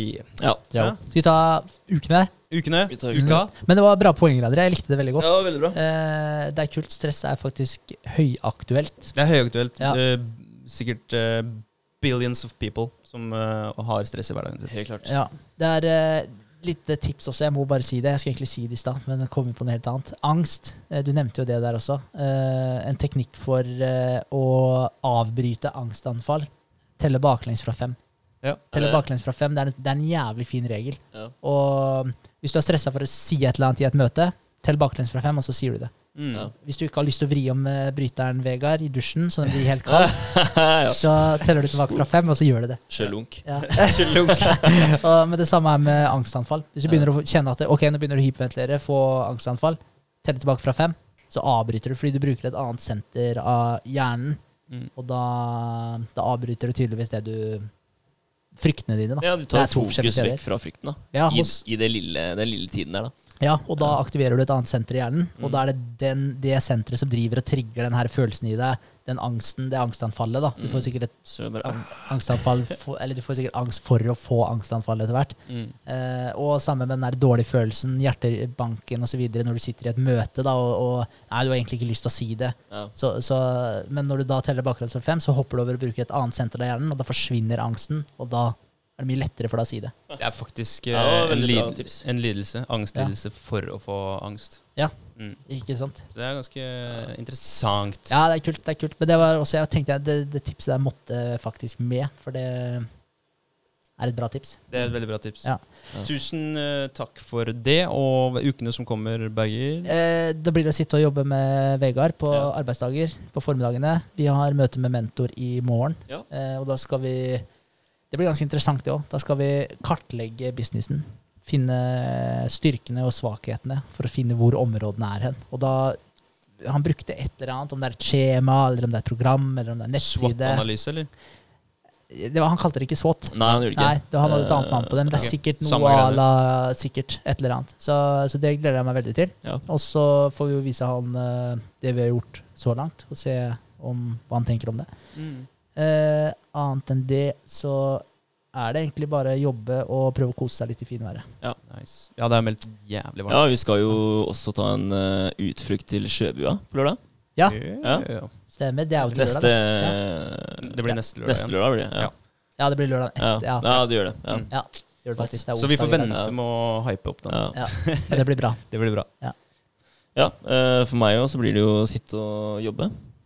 Eh, tror det blir dritbra. Jeg gjør det. Gleder meg til møtet med mentoren i morgen, høre hva han har å si. Kjempespennende. Uh, og så, ja Smase litt på folk om å sende bilder og tagge på Nutrials. Så jeg også kan eh, legge ut noe. Og Nice. gjøre det sjøl, da, kanskje. Ja. ja. Så bra. Mm. Ja, jeg skal også få jobba litt med Espen, så kanskje vi kunne kombinert det en dag det passer. Uh, og det som står for tur, det er jo mer eh, medie, sosiale medieinnhold. Og så blir det jo å jobbe med, med ja, kjerneverdiene i bedriften. Litt sånn finne sitt why og sånt noe. For det høres ut som vi må gjennom noe, noe lignende for å, for å komme, ta et steg videre. da Ja. finne, finne rytmen, liksom. Ja, Så, Du får, et, eh, altså, du får liksom det fokusområdet. ja, Ja, ja. det er et, riktig fokus. Ja. Jeg, jeg, apropos, jeg satt og tenkte på det i stad, men så forsvant det, for jeg hørte jo på dere, selvfølgelig. Det var um, det der med godt tegn. Ja. det. var det der med å finne why. Jeg så på en Netflix-serie som heter Startup, nevnte jeg Ja. forleden Mhm. dag. Og det, der var, det, var de innom en sånn investor som var eh, av de hovedpersonene da, som skal starte en ny eh, kryptovaluta. Gencoin. De trengte penger, og de var innom en, eh, en veldig innflytelsesrik investor med masse spenn. Mm. Og han sa det at eh, jeg investerer ikke i selskapet deres før jeg kjenner dere.